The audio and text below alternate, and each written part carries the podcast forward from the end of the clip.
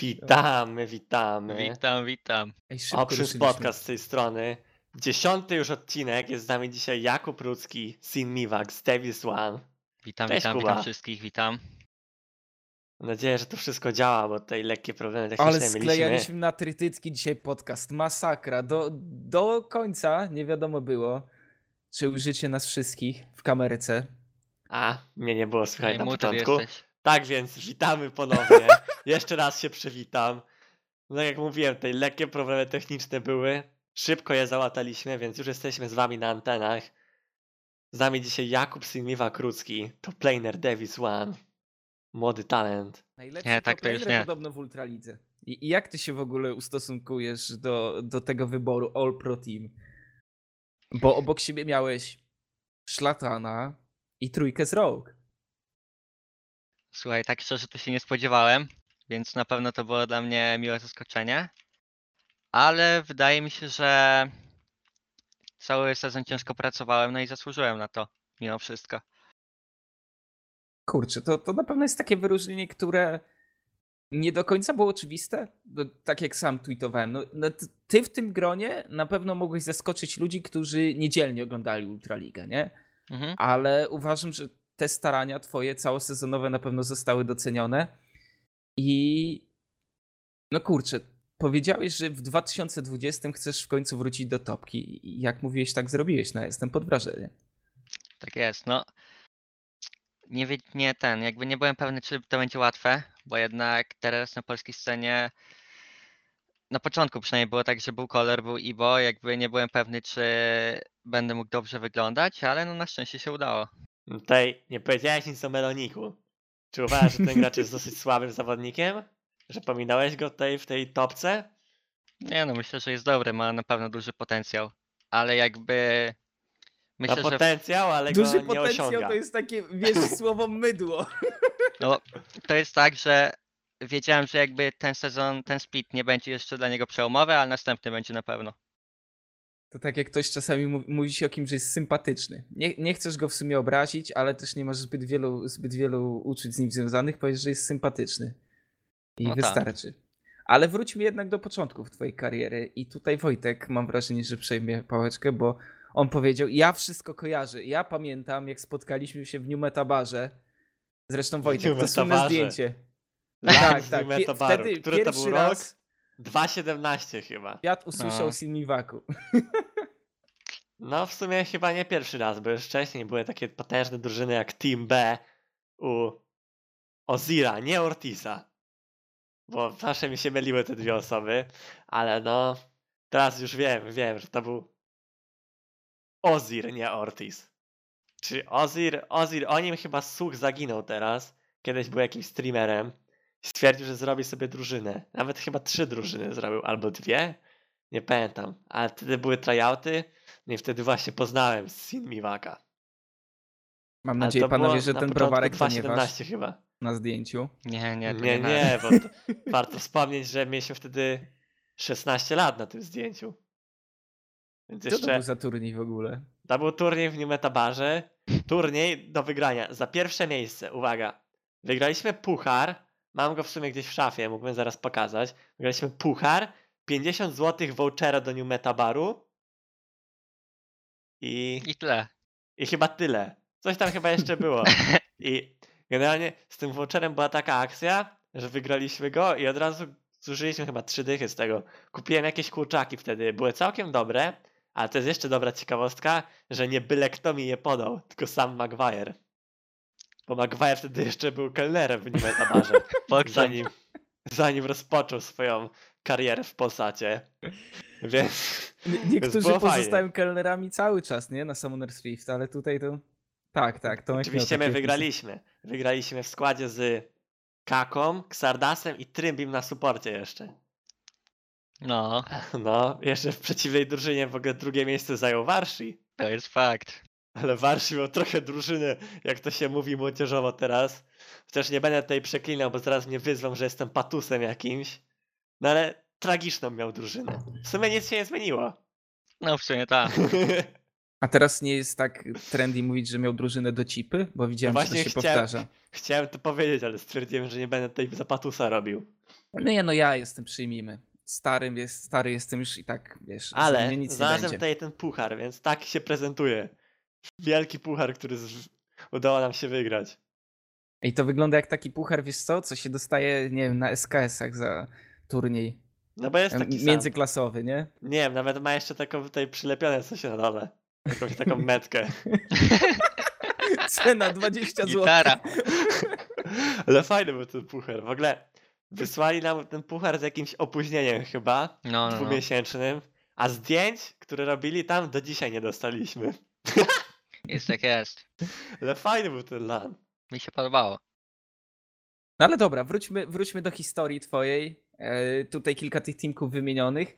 Ja tak jak mówiłem, Digital Paradox to była pierwsza taka drużyna, przy której usłyszałem de facto o tobie. A 16 lat? Wtedy, wtedy dołączyłeś? Tyle miałeś lat na karku, że tak Mhm. powiem? Czyli co, tak datujemy? No z 3 lata ta twoja kariera sportowa 2-3 lata trwa. Zgadza się? Zgadza się, tak. E, No i mieliśmy na tym przystanku po Digital Paradox, mieliśmy Adiv, a gdzie no już miałeś taki A powiedzmy, nie mówi się Adive? Adiva, no, Adiva. Adive to jest No. po, po, poprawne, dobrze. Pamiętam, zawsze będzie. była rozkwina jak to mówić. A dive? A dive or what? Wiesz, takie. Adiva po polsku. Adive po polsku. A to w ogóle znaczyło jakiś tam niedźwiedź czy coś takiego. Nie, nie, nie wiem, nie pamiętam. To był jakiś klan chyba w kodzie, coś tam, nie pamiętam. To chyba Rective wymyślił. Ale, ale to, była, to była orga, czy, czy jak to było? No Nie, to nie była orga, to po prostu kupiliśmy sobie jakby logo, kupiliśmy Mhm. jakby projekt na koszulki z własnych kieszeni, no i po prostu był taki team normalny. Projekt na zajawce. Tak jest. Czyli pierwszą twoją profesjonalną drużyną. No oczywiście Digital Paradox było po drodze. To taki pierwszy profesjonalny kontrakt podpisałeś dopiero w, pia- w pie- Pieście Gliwice, Piaście Gliwice. Zgadza Tak się? jest. Digital tak, Paradox tak. chyba już był kontrakt. Nie, nie, nie, z tego co pamiętam nie mieliśmy kontraktu jeszcze. Ale tam widziałem, kiedyś ktoś mi wysłał ten kontrakt, co tam kiedyś Digital Paradox podpisywało, no i można było się uśmiechnąć. Że Nie, ktoś no ale wiecie, to, to prehistoria sportowa, jeżeli chodzi oczywiście o, o prawne rzeczy, nie? No bo tak naprawdę na, na tamtym etapie to ciężko w ogóle było wymagać we sporcie takich jakichś powiedzmy uczciwych Mhm. rzeczy. No i właśnie, i ten Piast Gliwice Esport, bo trafiłeś do Ultraligi, trafiłeś do składu. E, może też zacznijmy od samego początku, bo miał grać z wami Benek, zgadza się, na początku. Mhm, tak. To było tak, że już zaczęliśmy grać e, te MPki bodajże z Benkiem i tam bodajże w ostatniej kolejce e, zaczęły się już rozmowy z Piastem i po prostu rodzice Benka nie pozwolili mu podpisać kontraktu, przez co musieliśmy zmienić junglera i zmieniliśmy go już na MPkach, żeby po prostu zgrać się na Ultraligę. No i wzięliśmy Repsona. No i tak się właśnie złożyło, że taki skład przeszedł do Piasta już z tych MPków. No i zaczęliście tą przygodę, na pewno nie wspominasz jakoś super, super szczęśliwie tamtego okresu, ale to też chyba było takie trochę dla ciebie przetarcie na tej profesjonalnej scenie, bo pamiętam, że trochę nadziei z tobą wiązano jednak już na, na tamtym etapie w Ultralidze. I tak, wydaje mi się, że trochę sobie jakby nie poradziłem z presją, bo to był mój pierwszy taki jakby profesjonalny team i też były jakieś tam wymagania na nas nałożone. Też wydaje mi się, że za mało pracowałem, bo był taki okres, kiedy wolałem grać Aramy na przykład. Mhm. Eee, Z kim? no już nie będę już mówił tym. Szkoda gadać. No i też, hmm, też jako drużyna się po prostu nie zgraliśmy też. Nie było takiego Mhm. team spirit. Nie potrafiliśmy się dogadać. Tutaj na zdjęciu drużyny Adive jeszcze jakby ktoś nie rozpoznawał. Od lewej Sidmiwak, Dambaj, Melex. W sumie zdjęcie z PLE, z którego dostali medale za trzecie miejsce, które potem zniknęły. A, ale czekaj, właśnie, do, dotarły te medale czy nie? Tak, dotarły, dotarły. No widzisz, także proszę tutaj Wojtek, wiesz, No, ale ja- nie dotarły, ale z dosyć długim No, opóźnieniem. trzy po miesiące dramie około. na sportowych świrach i jeszcze po prywatnej in investigation, nie wiem jak się mówi, dochodzeniu, śledztwie przez dwie, dwie osoby tutaj. Tak, to, to była ta słynna drama z medalami. To się zgadza. Melex, słynny brat Sebeksa. Chy- Chyba z tego najbardziej się zapisał w historii sportowego. No, no i te medale, nie? Jeszcze- Tak. Nieszczęsne medale.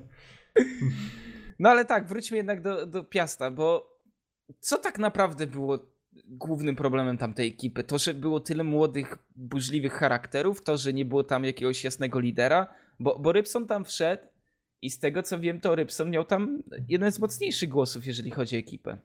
Mhm, Tak, bo jakby już od razu po tej zmianie to była dla nas jakby znacząca zmiana, bo to Adiva złożone już na MPK to była tak jakby drużyna ziomeczków, którzy też nie mieli zbytnio doświadczenia w competitive.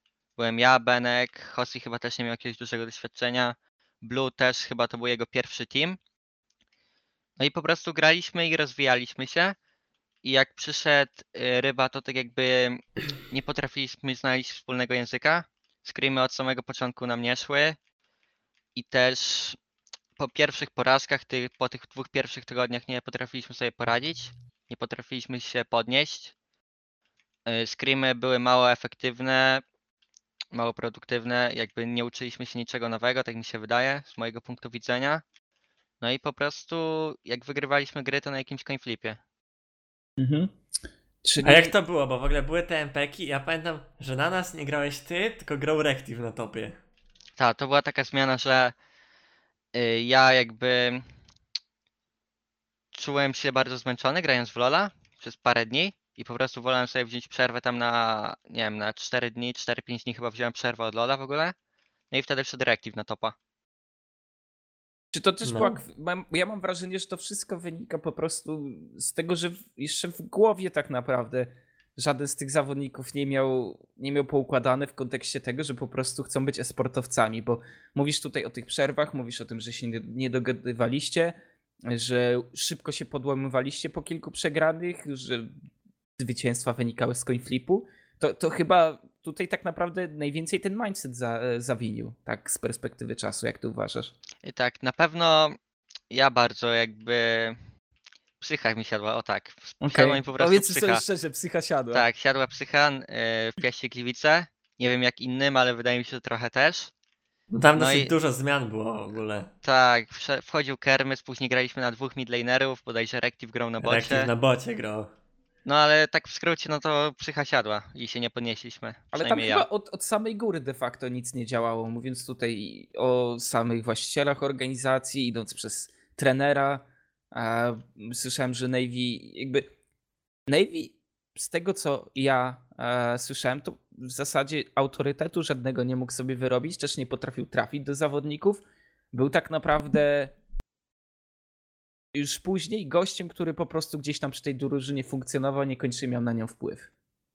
Mhm. Znaczy to było tak, że przynajmniej w tym Adive na MPK-ach y, miał duży autorytet, jakby bardzo nam pomagał i każdy się go słuchał, ale już w tej Ultralidze no to tak trochę mieliśmy mniej zaufania do siebie, w ogóle wszyscy i też no jego autorytet upadł.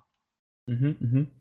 I już nie drążąc tego tak naprawdę tematu, nie chcę powiedzieć smutnego, bo smutne to nie był, to było po prostu e, kolejne doświadczenie. No to Niemcy.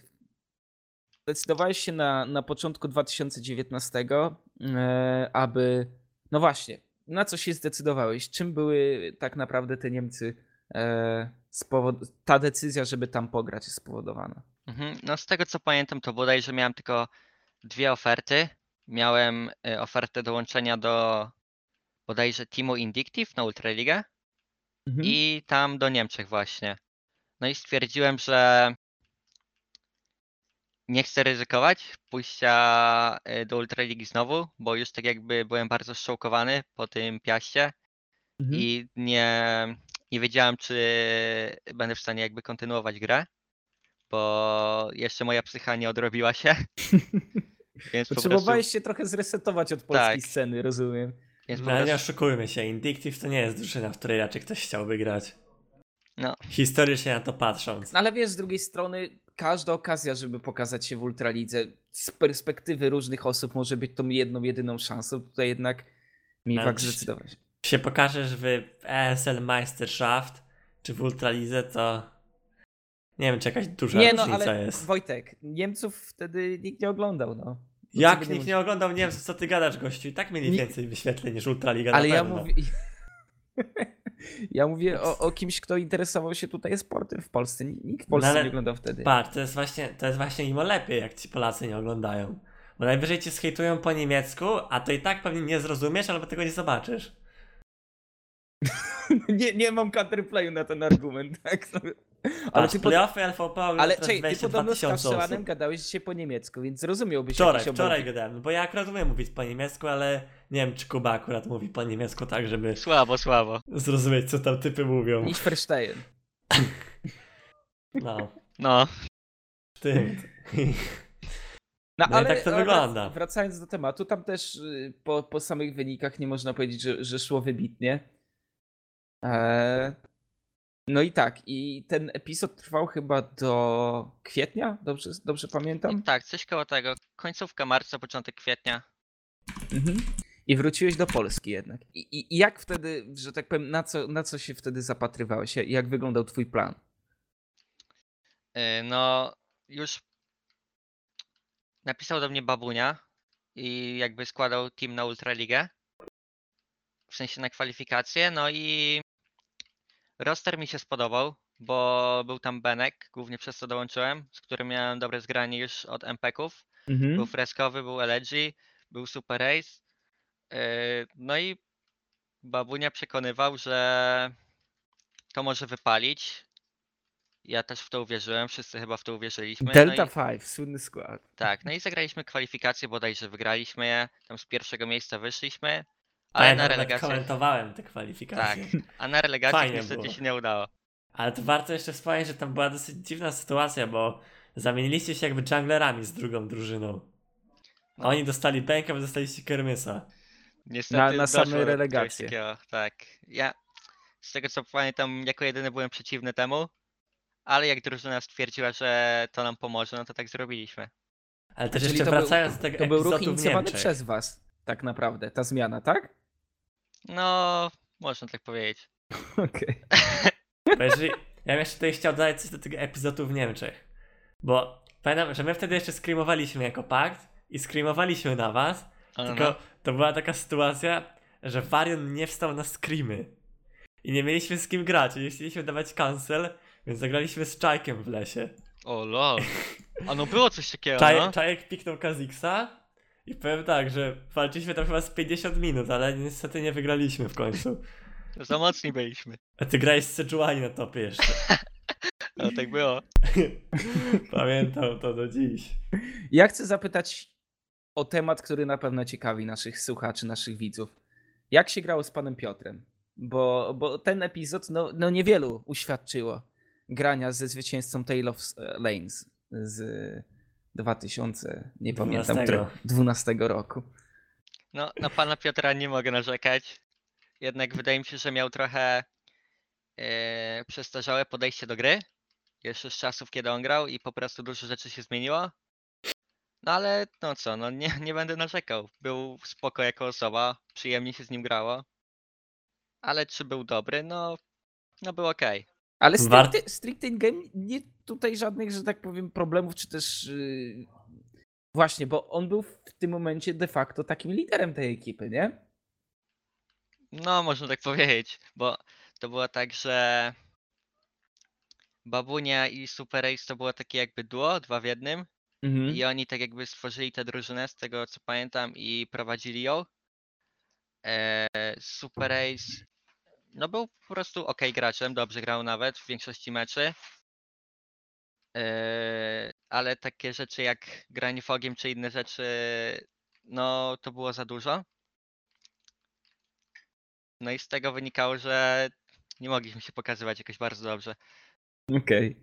No bo tak naprawdę byliście fenomenem tej kwalifikacji, aż doszło do, do relegacji, a Benek wybrał najwyraźniej drużynę, która po prostu wtedy okazała się lepsza, bo to oni ostatecznie awansowali.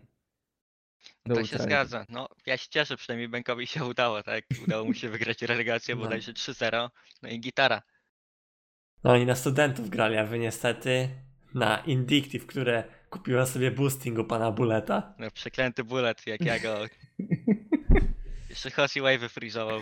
No, no już teraz nie taki przeklęty, nie? Ten bullet. Już No teraz, tak, teraz całkiem spoko. Ale tak. Ja już bym chciał przechodzić do tego rozkwitu twojej kariery, tak to nazwijmy, bo możemy mówić o Delta 5, czyli o takim miękkim powrocie na scenę.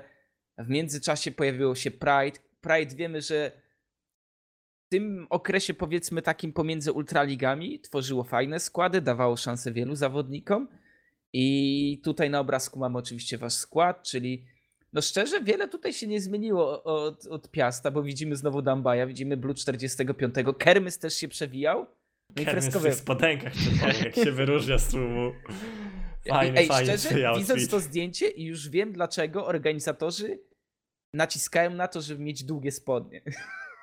Wiesz, na, na prezentacjach, że tak powiem, zawodników. I, już wiem, skąd to wynika, no. Bo tutaj sportowo Kermys wjechał. Wyróżnia fakt. się. Mhm. I tu zajęliście tak naprawdę tym składem wtedy trzecie miejsce w Polsce. E, przegraliście na Illuminar, oczywiście SLMP wygrało Devil's One. Natomiast ty już byłeś chyba wtedy wstępnie dogadany ze Scouting Ground, zgadza się? Tak, bodajże już wtedy jak grałem te finały w Katowicach, to już chyba wtedy byłem częścią Scouting Runs. No ale, ale o tych SLMP, bo to był wynik na pewno, z którego byłeś zadowolony, prawda? Bo co by nie mówić, mm, te dwa miejsca wydawały się na szczycie gdzieś tam e, z, dla tych dwóch drużyn przeznaczone. Wy wskoczyliście na trzecie ostatecznie. Zresztą tamte że tak powiem. Ale, ale ostatecznie zagraliście na lanie i, i jak oceniasz ten epizod? Krótki, bo krótki, ale właśnie w Pride. I ten epizod wspominam w sumie bardzo dobrze, bo ta drużyna powstała tak z pół godziny przed roster lockiem, bo Najlepsze być- pomysły się tak rodzą. tak, miały być różne wersje składów, ale ostatecznie powstał taki. I Co ciekawe, nie zagraliśmy ani jednego screama przez całe MPki i w sumie graliśmy sobie tak na chillku, więc no na pewno bardzo dobrze wspominam. Na lanie tak naprawdę było blisko do pokonania Illuminar, bo było tam bodajże 2-1, a trzecia gra no była trochę unlucky, ale już miałem Spiro Przodzin na Jacksie, to prawie skierowałem. Ale no i tak wspominam bardzo dobrze. Trzecie miejsce dla mnie po powrocie tak jakby po, do Polski, p- pomijając to Delta 5, to było jakby pierwsze osiągnięcie. Pierwszy sukces, o. No i tak naprawdę Pride było tą ekipą, w której, w której mogłeś się pokazać, że tak powiem, na tym lanie, ale de facto to, co stanowi o tym, w którym miejscu jesteś teraz esportowa, no to były Scouting Groundsy i kurczę, Hachi ostatnio całkiem fajnie postował na ten temat, nawiązując właśnie do e, Scouting Groundsów, bo teraz Wojtek wrzucił na grafikę. Ilu tam było cieka- z punktami z piłki nożnej. I, ale ilu tam było zawodników ciekawych. A Właśnie Melonik to- pierwszy wyleciał. Razem to- ze mną i Warionem. Ale właśnie on podniósł ten temat, że na topie był Melonik, był Kolor i właśnie byłeś ty, Miwak. To jest naprawdę ciekawe grono. Jakby, wiadomo, wtedy oni nie byli jeszcze gotowi na nagranie na najwyższym poziomie, ale, ale jak tutaj się to szybko zmienia, nie? Jeżeli chodzi o, o, o właśnie górną aleję. Patrząc dalej, no to no na micie to nie było za bardzo opcji oprócz Czajka, tak będąc szczerym, patrząc po tym, jak to się po, po, e, wydarzyło dalej, nie? Powiem tak, no. Czajek wtedy było dosyć równo z Szamikerem. Ale no, jak już to wyszło później, że Czajek już podobno był dogadany przed samym startem w ogóle tego Scouting Grounds. Więc to wiadomo. Młoda gwiazda, no wiesz Wojtek, ty już tutaj miałeś 3 lata za dużo, czy, czy 2 lata za dużo. Oj, byczku. Powiem tak, z Warionem... Z Warionem mieliśmy tam taki epizod, że taką jedną grę dowaliliśmy tak konkretnie pod testing limitów. mhm. Że no... Warion chyba 1.10 na Xie zrobił. Ja jakoś podobnie, więc no... O ja Było ciekawie. A to jeszcze wysoko. graliśmy z Warionem zaraz po tym, jak była kosa z ravioli. A bo wy mieliście kosy, nie? Wy tam się nie rozeszliście. Tam mieliśmy kosy. Tak było. Ta kosa podobno jeszcze została pomiędzy niektórymi, co? Zgadza się? W ravioli? No, Nie, ja z nikim już nie mam kosy. okej. To, to mnie zaskoczyłeś. Ale właśnie, Miwak, bo ja bym chciał poznać swoje perspektywy. Cały przebieg scouting grantów. To jak. Bo co by nie mówić, na polskiej scenie to jest pewnego rodzaju precedens. Y, jakby przeprowadzenie takich, mm, takiego scoutingu, z którego później powstała naprawdę kompetentna drużyna. Mm, Tak, z mojego punktu widzenia to była super inicjatywa dla graczy. Yy, Bodajże yy, ja, Color i Melonik mieliśmy wtedy Challengera na solo queue, wszyscy trzej, tak po 500 punktów, więc yy, od samego początku wiedziałem, że to będzie wyrównany pojedynek pomiędzy nami na topa. Co do reszty zawodników, to wiedziałem, że Brunen z junglerów jest najlepszy, wiedziałem, że Czek z midów jest najlepszy i wiedziałem, że Sevens. Tam Highway dołączył bodajże e, w drugim tygodniu tych scouting runs, ale no wiedziałem, że ten skład będzie mniej więcej tak wyglądał od początku. Na Mhm. szczęście e, udało mi się pokonać pozostałych top lanerów, no i moja przygoda się rozpoczęła w Devil's One. Karta 79 punktów. Kto miał tylko więcej? Sevens? Sevens był wtedy strasznie hypowany. Tak. I ja- jak ty ocenisz tego zawodnika z, właśnie z perspektywy czasu? No bo wiemy, że e, po prostu utonął. No, no tak krótko mówiąc, utonął. Jeżeli chodzi o karierę sportową, nie wypłynął. Może Jeszcze- o nie więcej. Tak, Sevens wydaje mi się, że był bardzo dobrym graczem i nadal jest. Tylko on po prostu nie ma mm, motywacji do grania competitive, też pewnie chęci.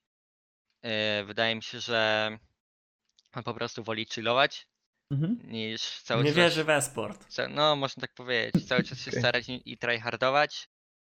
Jednak e, no ja cały czas widzę w nim potencjał. Myślę, że jakby chciał, no to mógłby normalnie grać w Ultra albo w innych ligach. Bo on był strasznie hypowany, pamiętam wtedy, przez, przez Lakera samego, który był zresztą jego dobrym znajomym. A. Mhm. No tak, no Sevens na pewno się wyróżnia na tych scouting runs. Wydaje mi się, że był by far najlepszy made carry. No i zasłużenie się dostał. No i Highway. Highway to, to też był zawodnik, który, tak jak mówiłeś, dołączył później. On też teraz wiemy, że. Zresztą po, grał teraz w Quali, chyba nawet. Grał, y, ale odpadł dzisiaj. Aha, a dzisiaj, dzisiaj odpadł. Na mieszankę studencką. Studenci jak zwykle mocni w kwalifikacjach. No i, i dołączy, dołączyliście tak naprawdę w tą, tą piątką. I pamiętasz, jakie głosy się pojawiały, że zostaliście wrzuceni do projektu Scouting Grounds, a tak naprawdę nie macie gdzie grać, bo jedna orga nie może wystawić dwóch, dwóch drużyn. Czy to w jakimś stopniu cię wtedy jakby zaprzątało myśli, że bo pamiętam też było to PLE słynne, którym, na którym wy jakby podnieśliście podwójną koronę na zasadzie Devil's One główne było pierwsze, wy byliście drudzy i gdzieś tam potem pojawiły się głosy, żeby nie dopuszczać dwóch składów. E, Jeszcze drabinkę ustawili. Cztery Oj głowy. tak, oj tak. Nie, no ale właśnie. mm, Jak, jak się wtedy czułeś? Bo chciałeś na pewno się rozwijać, ale widziałeś, że no ten system na pewno w jakimś stopniu cię blokuje do tego, bo nie będziesz mógł grać wszystkich turniejów. Mhm, tak, jak na początku po tej decyzji, że nie możemy tak jakby grać w PL, to trochę nie podobało mi się to, bo jakby tak jak mówiłeś, nie widziałem e, możliwości, żeby mógł się rozwijać jakby w meczach oficjalnych, ale też tak byliśmy dogadani z organizacją, że PL początkowo miało mieć te przystanki, tam bodajże co miesiąc i my mieliśmy grać je wszystkie jako akademia, a ten główny turniej miało grać e, główny skład Devils One. Z tych przystanków, jak wiemy, nie, niewiele wyszło. E, No ale tak, graliście sobie, też dogrywaliście te ligi, e, że tak powiem, amatorskie. E, Jak ogólnie czułeś się już wtedy, że tak powiem, otulony trochę tym płaszczem Devil's One'owym? I jak te pierwsze takie twoje doświadczenia z Orgą, z tym, że wiesz, jakby cały czas pokazywali, eksponowali to EPC, wiedziałeś, że będziesz miał coaching staff, który, który na pewno będzie dobry. Mm, Takie twoje pierwsze, pierwsze uczucia związane z dołączeniem do, do tego projektu. Mm, Na pewno myślałem tak wtedy i myślę tak teraz, że Devils One to jest najbardziej profesjonalna organizacja w Polsce na ten moment. E, Wiedziałem, że to, e, czego będę potrzebował, będę miał zapewnione. Mieliśmy EPC, mogliśmy jeździć na bootcampy, więc e, z mojego punktu widzenia to było super, bo nigdy nie byłem na bootcampie i też mogliśmy e, tak jakby żyć się z teamem, mogliśmy trenować, też jak potrzebowaliśmy czegoś, to mogliśmy iść do głównego składu.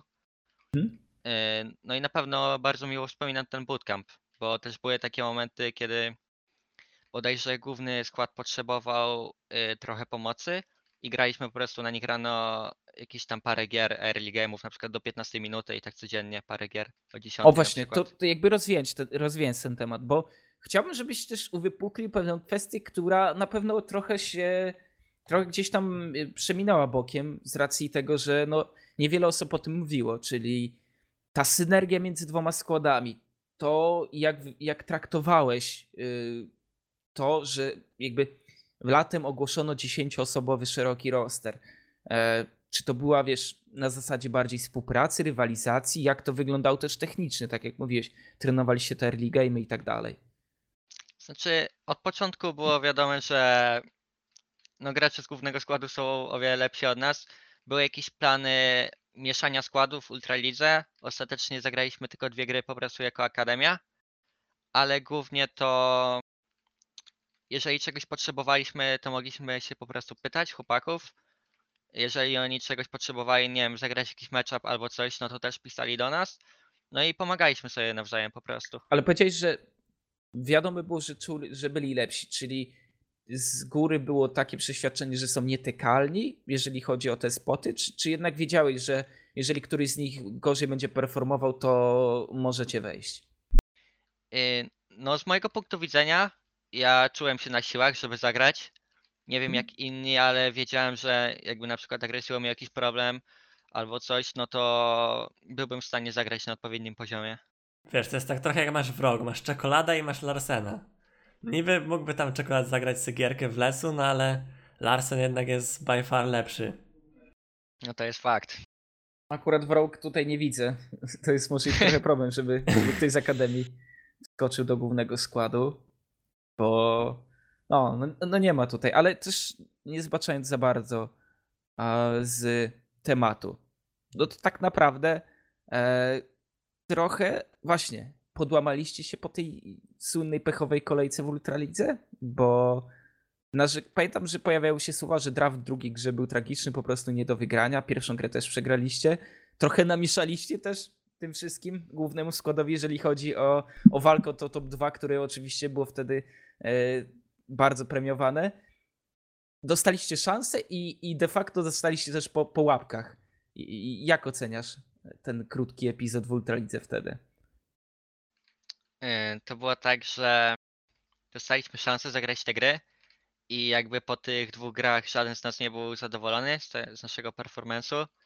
Wiedzieliśmy, że pierwszą grę mogliśmy wygrać, ale no do drugiej mieliśmy złe podejście, źle zrobiliśmy draft, no i w grze było bardzo ciężko wygrać.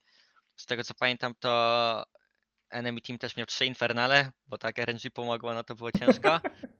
Eee, no i czy się podłamaliśmy? Wydaje mi się, że się nie podłamaliśmy. Wiedzieliśmy, że po prostu stać nas na więcej. To, że przegraliśmy, to no nie byliśmy przejęci tym, o tak. Trochę namieszaliśmy tym w tabeli, bo bodajże Devils One było poza playoffami przez jedną kolejkę, czy tam dwie, no to trochę był przypał, ale na szczęście sobie poradzili. Złote czasy, jak jeszcze pak było pierwszy. Oj tak. Nam dziwne rzeczy się działy, ale koniec końców i tak skończyli top 2. Więc dali radę tam Wy- wyjść wyciągnęli, na, do przodu. wyciągnęli ten wynik. No i nastały playoffy. Playoffy, w których y, najpierw Devils One przegrywa 2 do 3 na Rogue, dobrze pamiętam? To było 2 do 3. Tak? Świetnie, ale później, no właśnie, następuje informacja, w ogóle jakbyś mógł zdradzić na tyle, na ile możesz oczywiście, yy, że tak powiem, kulisy tej całej sytuacji z Matisławem, z tym, że będziesz musiał grać, bo ty okazałeś się de facto pierwszym wyborem w tym składzie, mimo tego, że to midlaner yy, nie, by, nie był zdolny do gry. No tak. To się zaczęło tak, że właściwie to w pierwszy mój dzień subowania screamów grałem bodajże za Agresivo, a nie za Matisława, bo Agresivo też coś tam się źle czuł. Mhm. I dopiero następnego dnia się okazało, że y, z Matisławem też coś jest nie tak, właściwie to jest bardzo słabo. I zagrałem w ten, y, w ten sam dzień screamy. I jeszcze podczas screamów dowiedziałem się, że na następny dzień, w sobotę, muszę być w EPC i po prostu zagrać stamtąd screamy, już się przygotować. Jeszcze już jak tam byłem, to jeszcze nie było tak naprawdę wiadomo, kto zagra. Mhm. Były też jakieś pomysły, żeby może poszukać kogoś spoza Devil's One, ale ostatecznie wybór padł na mnie. Mm. Myślę, że ja zagrałem w półfinałach, a nie Czajek, bo w sensie wybrali mnie, bo miałem większe doświadczenie na tamten moment. Mhm. Też wiedzieli, że jest mniejsze ryzyko, że szczołkuję na lanie, bo Czajek poza Pele nie grał nigdzie. Ale już w finałach pojawił się trochę problem z Champion Poolem. W sensie nie mogliśmy grać z żadnym Azirem Korkim na midzie. Ale jeszcze wracając do tych półfinałów, bo to był tak naprawdę najważniejszy mecz z perspektywy Devils One. Bo wiemy, oczywiście finał finałem, nikt de facto też nie myślał na ten moment, że zwycięstwo jest formalnością. Formalnością, a w zasadzie planem minimum było to, żeby się dostać do EU New Masters. Masters. I to była pięciomapówka. To była pięciomapówka, w której ty musiałeś się pokazać, w której musiałeś y, sprostać y, tej całej presji. I mało tego, tak jak mówiłeś, no trochę to było. Te drafty musiały być podkręcone, no bo jednak y, oczywiście bottom lane na swoim miejscu, Cinkrow na swojej roli lidera, ale też pamiętajmy, że ciężko nazwać go tym zawodnikiem, który był Kerry. No i ty z Agresivo, gdzie musieliście naprawdę tutaj dostosować te drafty. Pięciomapówka na Illuminar, Puki, który najs, najsmutniejszy obrazek na całej polskiej scenie, kiedy Puki przegrywał ostatni teamfight. No ale właśnie, ty jakby grając na scenie, czy, czy ta presja czujesz, że cię może zjeść, czy, czy jednak y, cały czas grałeś spokojnie? Tak szczerze to na tych półfinałach nie czułem żadnej presji. W sensie wiedziałem, że y, to, czego się nauczyłem w Scouting Grants, to po prostu dobre podstawy do tego, żeby nie zintować na lanie. Wiedziałem, że jeżeli nie będę próbował jakichś nadzwyczajnych rzeczy, no to po prostu zagram na odpowiednim poziomie, na tyle, żeby nie, nie zintować, żeby nie podkładać nogi. Mm, No i nie czułem presji. Zagrałem bodajże dwie pierwsze gry Gangplankiem, a jeszcze dzień wcześniej nie byliśmy przekonani co do tego piku, bo powiedziałem, że nie czuję się na tym pewnie w ogóle. Ale tak wyszło, że pierwsze dwie gry poszły dość gładko. Później doszło do wyniku 2-2, piąta mapa, no to już trochę dymy były. Bo wiesz do czego piję? Bo ty pamiętam, wypowiadałeś się ostatnio, że chciałbyś zagrać w tych playoffach na Illuminar, bo ta rywalizacja też jakby trochę wpływa na ciebie. Chcesz, chcesz odesłać Illuminar do domu.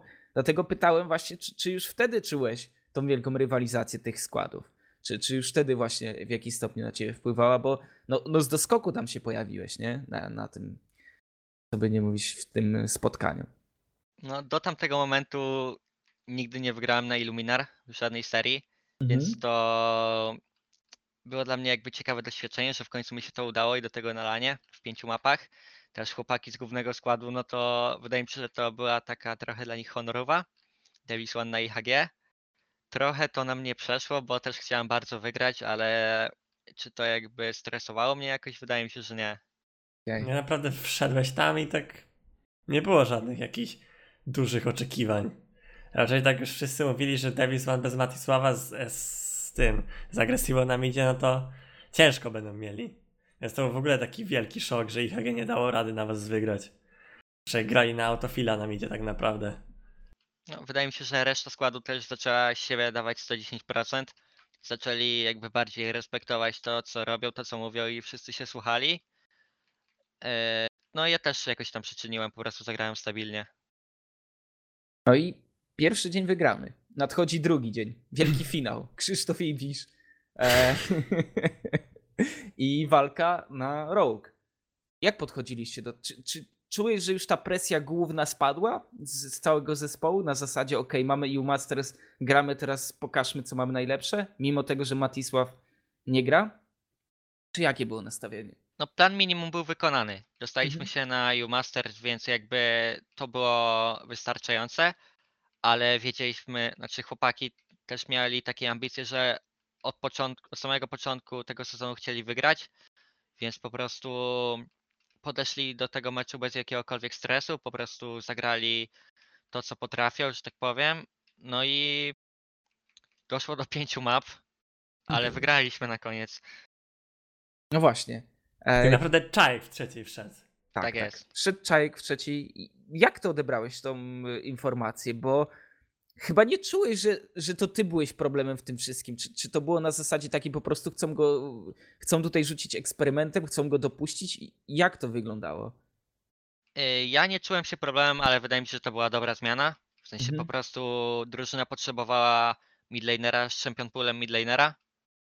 A no Agresio po prostu jak zagra na topie, no to zagra jakoś Irelio i po prostu będzie większa szansa, że skaruje, będzie większy difference na topie.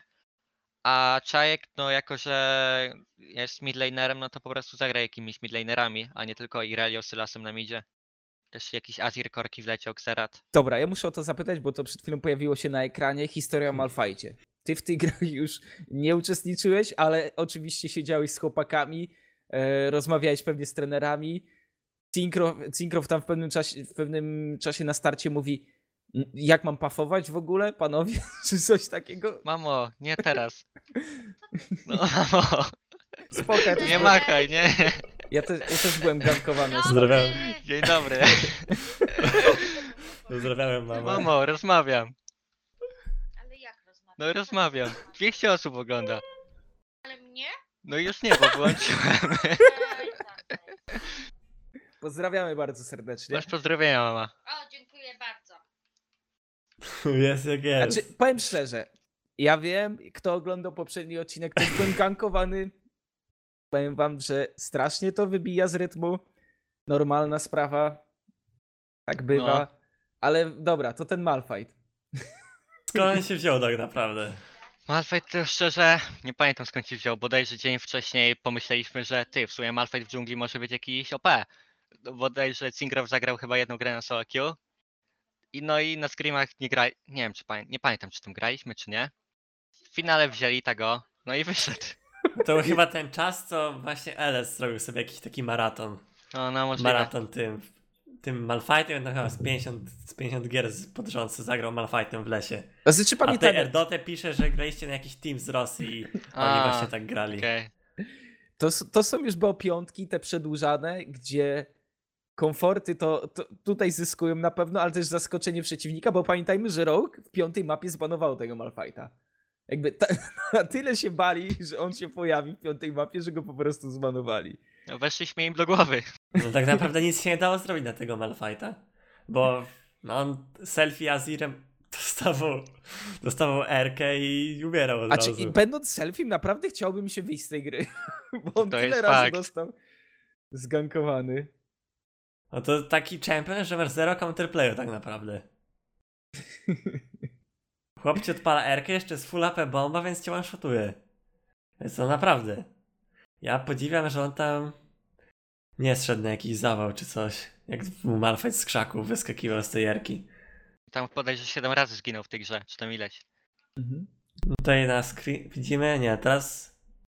A nie, to nie ta gra już, niestety to już gra piąta. To już gra piąta, to już końcówka przed, przed zwycięstwem tak naprawdę. Co uważasz, Czaj. że zawiodło w Rogue, które było, co by nie mówić, faworytem po, po wygraniu poprzedniej, bo piątki? Strzałkowali tak po prostu? No, wydaje mi się, że szokowali, psycha im siadła jak przegrali na mnie i czajka. Tak mi się wydaje po prostu. Bo powiedzmy sobie szczerze, Rogue nie przyjeżdża do Polski po drugie miejsce. Rogue tutaj wybrało ten region, żeby go wygrywać. Wy im sprzątnęliście to, to pierwsze miejsce w sezonie drugim. Mm, No ale tak, finały, patrząc już teraz z perspektywy czasu, trochę w cieniu Czajka. Ogólnie w tym zespole, nawet tutaj patrząc na, na, kolejny, yy, na kolejny split, w cieniu Czajka mimo wszystko, pozostajesz medialnie? Czy taka rola ci pasuje?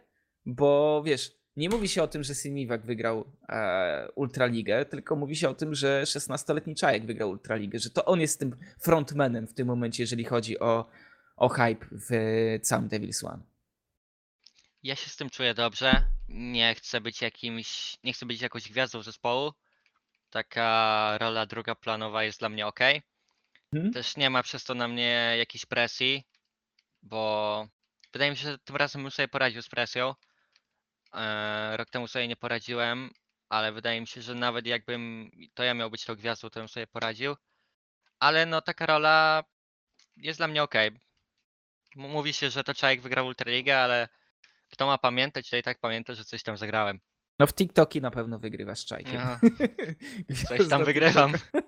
Ale, ale też skillowo w tym sezonie na pewno dużo zyskałeś, bo to tobie się mówi jako o najlepszym top lanerze, najbardziej stabilnym, tym, który też w dużym stopniu kreuje obecny Devil's One. E, I ty tak naprawdę przybierałeś różne role w, w tym składzie, bo i mm, scalowałeś się Wladimirami i również grałeś tankami. Trochę mam wrażenie, że za mało wypuszczano cię na tych split pusherów. Też chciałem zapytać, czy więcej split pusherów będzie w twoim wykonaniu, takich jak y, Kamil czy, czy Irelia. Liczę tutaj oczywiście. Tryndamer. O, no to, to też ciekawa opcja, ale o niej nie słyszałem. No i chciałem zapytać właśnie, e, która z tych ról najbardziej ci odpowiada, czy raczej podchodzisz do tego, a co, co drużyna wymaga, będę grał? Y, Co jeszcze chciałem się wypowiedzieć na temat tych ról, to wydaje mi się, że u nas w drużynie fajne jest to, że każdy może skierować grę. Nie musimy grać tak jakby na przykład tylko pod bota, tylko pod topa, Mhm. tylko pod mida, tylko każdy potrafi skierować. E, Wydaje mi się, że ja najbardziej odnajduję się grając właśnie ten weakside, jakimś tam Ornem, GPK-iem, Wladimirem pod scaling, ale też ta rola split pushera, e, no chciałem jej zagrać więcej na pewno, bo, Bo, wydaje mi bo się, to jest że... coś, co mam wrażenie definiuje cię trochę na tej polskiej scenie, bo naprawdę świetnie grasz fogiem, bardzo dobrze grasz też split, wiedząc kiedy możesz przycisnąć, kiedy trzeba się wycofać. Nie, nie przypomnę sobie, która to była gra, ale to, to na pewno w tym sezonie. Pokazywałeś, że, że to jest jedna z twoich mocniejszych stron, a wiele drużyn w Ultralidze po prostu totalnie nie potrafi grać split pushu. Biorą 1-3-1 i ja wiem, że to się nie wydarzy, że, że granie na splicie po prostu w żadnym stopniu nie wykorzystają tego, tylko połamią sobie nogi na rotacjach. To, to Devil's One też będzie chciało w jakimś stopniu wypuklić teraz w najbliższych rozgrywkach? Y, Czy zagramy split push w- w półfinałach? Nie wiem, być może, Nie no, ja wiem, że mi teraz, że wiesz, możesz pierwsza mapa, taktyk. pierwsza mapa, ale Ale są jakieś spicy piki przygotowane. no na pewno są jakieś ciekawe pliki Kto przygotowane. coś wymyślił. A ty co, pracujesz w. Devil's One, że już wiesz wszystko? Tak, tak. Pracuję w Devil's One, mam inside info ze screamów i już wszystko wiem, jak będzie wyglądać. To kto wygra jutro? Nie, pojutrze. Jutro, jutro wygra Kick. A pojutrze? To jest... Polska. Esport wygra. Esport wygra. Tak jak w relegacjach wygrał, nie? E, sorry, w, w zamkniętej kwali. Ale dobra, bo Proste, zboczyli, że tak. zboczyliśmy z tematu. Ja bym chciał jednak też zapytać o samo formowanie składu. Mm. Tak jak widzieliśmy, ten bottom e, zmieniliście. Decyzja też, mam wrażenie, duży kredyt zaufania został w stosunku do was w tym momencie. E, Zetural powiedział, że zostaje w grudniu. To była chyba informacja, która cię ucieszyła, nie? Z perspektywy tego, jak, jak miałeś okazję z nim pracować. E, Jak wtedy, czy, czy to dużo zmieniało, jeżeli chodzi o twój udział w Devil's One? W sensie, no na pewno Zetural jest kluczowym elementem w tym zespole, bo Mhm. on nas wszystkiego nauczył do... Wydaje mi się, że mamy trzecie miejsce dzięki temu, że Zetural tu jest. Teraz w playoffach zobaczymy, ale wydaje mi się, że możemy nawet powalczyć o EU Masters. Y, Ja... To było tak, że bodajże jeszcze jak było to PL listopadowe, to dostałem ofertę na tryouta od Piratów. Mhm. ale pogadałem z tym Zeturalem i się okazało, że yy, no jest duża szansa, że zagram po prostu w głównym składzie w nowym sezonie. I od tego momentu zacząłem jakoś mocniej tryhardować Mhm. i jeszcze jak było już to potwierdzone, że Zetural dosta- zostanie, no to po prostu ucieszyłem się. Okej, a, a jak wyglądał dobór? Brałeś, jako zawodnicy braliście udział w, doborze botlane'u? Yy, Z tego co pamiętam, to support bodajże było kilka możliwości, ale ostatecznie padło na perkę, z tego co pamiętam. Mhm. E, Z AD Carry, no to z tego co pamiętam, to graliśmy właśnie z Sevensem też kilka gier i z Bulletem, a chyba innego AD Carry nie było. Okej, czy- czyli Sevens był rozpatrywany, bo Highway z tego co wiem chyba wtedy zawiesił w ogóle swoją karierę. Tak, on też e, woli się skupić na studiach, bo Mhm, mhm. losów się chyba na dobrą uczelnię i po prostu woli się uczyć niż grać. Prawda. Highway studiuje. Nie wiem, co on tam dokładnie studiuje. Jakiś język chyba. A możliwe, ale to nie wiem dokładnie. Dobra, i Jakoś już tak jest. Zeturale nie będziemy chwalić, bo on i tak już w tym Stural jest co chwilę chwalony. Tak, Już tak. wystarczy trochę. No. Ale chciałem pogadać o, o, o Hachimanie, teraz Hajima, tak? Dobrze mówię? Hajima, Hajima, tak. Hajima. Kolejna dziwna zmiana niku. Chociaż to nawet jeszcze rozumiem, bo jednak Hachiman tak trochę brzmi, że niby Hachi, ale nie do końca. Ale nie wiem, Hajima Ja wiem, to takie że dziwna się nazwa. i tyle, tyle mi wystarczy tak naprawdę. Ale chciałem o nim pogadać, bo za każdym razem Hachi mocno chwali Hajime. E, to zresztą też cały Devil's One mówi, że jest mistrzem Excela i tak dalej. Mm, A mimo wszystko w tym całym sukcesie, tak jak mówiłem, wybrzmiewa Zetura, no bo nie, tutaj nie oszukujmy się, no trzecie miejsce to jest e, mocno powyżej oczekiwań, jakie mieli ludzie przed sezonem. Jaką on rolę pełni, może też powiedz tak szczerze, po prostu na tyle, na ile oczywiście, e, żeby nie zdradzać za wiele, jak wyglądają przygotowania, jakie statystyki wam dostarcza, jaki jest jego wkład w sukces Devil's One. Mhm. Jeszcze wracając do Scouting Grants, to Hajima był tam e, head naszym coachem i Mhm. to głównie od niego nauczyłem się właśnie tych podstaw i też innych rzeczy. E, Aktualnie, no to poza tymi statystykami, tabelkami i tak dalej, bardzo poz- e, pomaga nam utrzymać atmosferę w drużynie. Zawsze jak są dymy, no to głównie przez niego. Takie pozytywne dymy oczywiście. E, No jeżeli czegoś potrzebujemy, jakiś sprawdzić jakieś matchupy, jakie były w przeszłości grane czy coś, no to oczywiście znajdzie nam takie informacje. E, No i teraz też jest assistant coachem, więc jakby jak Zetural czegoś nie może zrobić, to Hachiman to zrobi. Hajima, przepraszam. E, no i też siedzi z nami na screamach i też nam pomaga, jeżeli Zetural czegoś nie zauważy. Czyli tak naprawdę teraz Okej. to jest wejście jakby ten schodek wyżej, że, że jest to ten prawdziwy assistant coach, który również ma tutaj duży udział w kreowaniu tego głównego składu. Tak jest. Hachima od samego początku mi innym bardzo dużo pomagał i tak też jest teraz. Zawsze jak czegoś potrzebujemy, to możemy do niego pisać. Okay. Wojtek, Tak. coś? Taki advanced Google search. No, można tak powiedzieć. To jest zawsze memowanie, nie? Z Ale- analityków. No, taka prawda, ale czy nie wiem, wyszukuję wam jakieś tam secret OP piki z Chin albo Korei, czy coś takiego? No, No, więc tutaj prawdziwy bohater. Właśnie, jakiś ale, co, czego możemy co, się co byś spodziewać. jakby oprócz tych secret pików, sensie jakieś tam powiedzmy trendy z koreańskiego czy chińskiego solo queue, to też na przykład y, nie wiem, level one wam rozbija na czynniki pierwsze, jeżeli chodzi o pozostałe drużyny. Jakieś trendy stara się zauważyć? Już nie na konkretnych przykładach, ale, ale co byś mógł tutaj wymienić? Tak, na pewno level 1 jest y, jakby ważnym elementem jego analiz i przygotowań do meczu. Zawsze jak zobaczy coś ciekawego, no to nam to przekazuje. Hajima też jest fanatykiem NA, więc jak widzi jakieś ciekawe piki, ciekawe zagrania, no to też nam przekazuje. Nietuzinkowe Nie hobby. tysiękowe zagrania Nie, to ciekawe, z tak jest. dziewczynami po godzinach na ramię. Tak jest. No i też jak widzi coś na solo że jest grane, to też nam mówi. No ale warto, warto tutaj wspomnieć, że w waszej drużynie jest Bullet, który swego czasu był dosyć sporym koneserem aramów. Nieraz zdarzyło mi się z nim zagrać turniej aramowy i zwyciężyć. Więc no, dosyć dobrze się to broni. Nie wiem, czy wiesz, Wojtek, ale były kolega z drużyny, pan Piotr, właśnie, yy, Miwaka, twierdził, że to jest hańbienie koszulki gracza. Nie wiem, czy to tobie nawet nie Ale- odpisał tak. Pi- granie aramów? Tak, hańbienie koszulki sportowej. No jednak pan Piotr to no, dosyć mądry człowiek, no warto przypomnieć, Ale, ale ja że się pod tym warto przypomnieć, w sezonie, że w sezonie drugim odpulił Reklesa. No właśnie, i, ale nie ironicznie a podpisuję się pod tym. Nie grajcie aramów. Czy to są aramy z dziewczynami, czy z piątkę z kolegami. tak naprawdę- Lepiej soloku. Piątkę, jak, zagrać, jak grasz aramy w piątkę, jeszcze jak masz high MMR na aramach, to naprawdę fajnie tam się gra. Ale jak są takie, wiesz, takie aramy pod full tryhard. Czyli ty mówisz o takich ch- high, high elo aramach. No, a robicie, jak robisz in-house'y na aramach. To jest, to jest swego A, rodzaju dobry trening. Zbierasz wszystkich z TeamSpeak'a i wychodzi ci 7 osób, nie? 10 Więc, osób. więc mówisz, kurde, no to trzeba zagrać customka, nie? Dobierzemy jeszcze trzy. Prawda.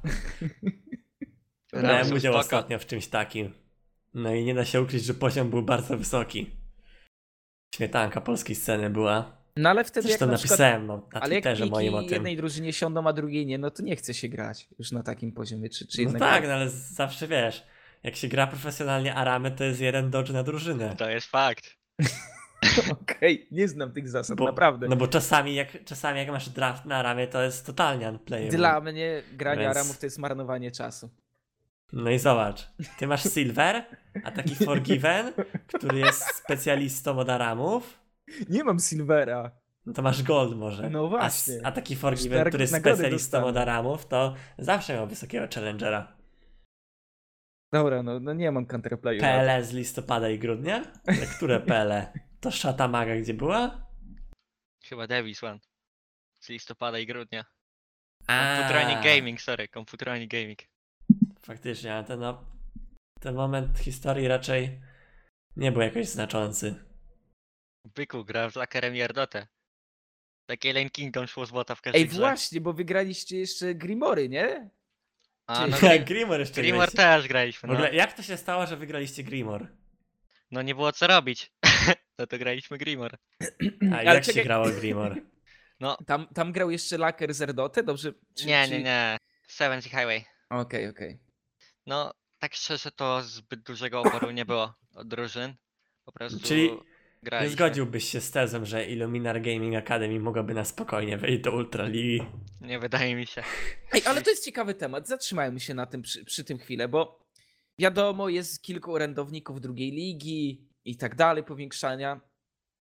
A jak ty podchodzisz do, do tych lig y, mm, amatorskich, półamatorskich? To, to jest coś, z czego można wyciągać na twoim poziomie jeszcze e, coś, czy to jest tak naprawdę dla tych zawodników, którzy, którzy dopiero rozpoczynają swoją przygodę?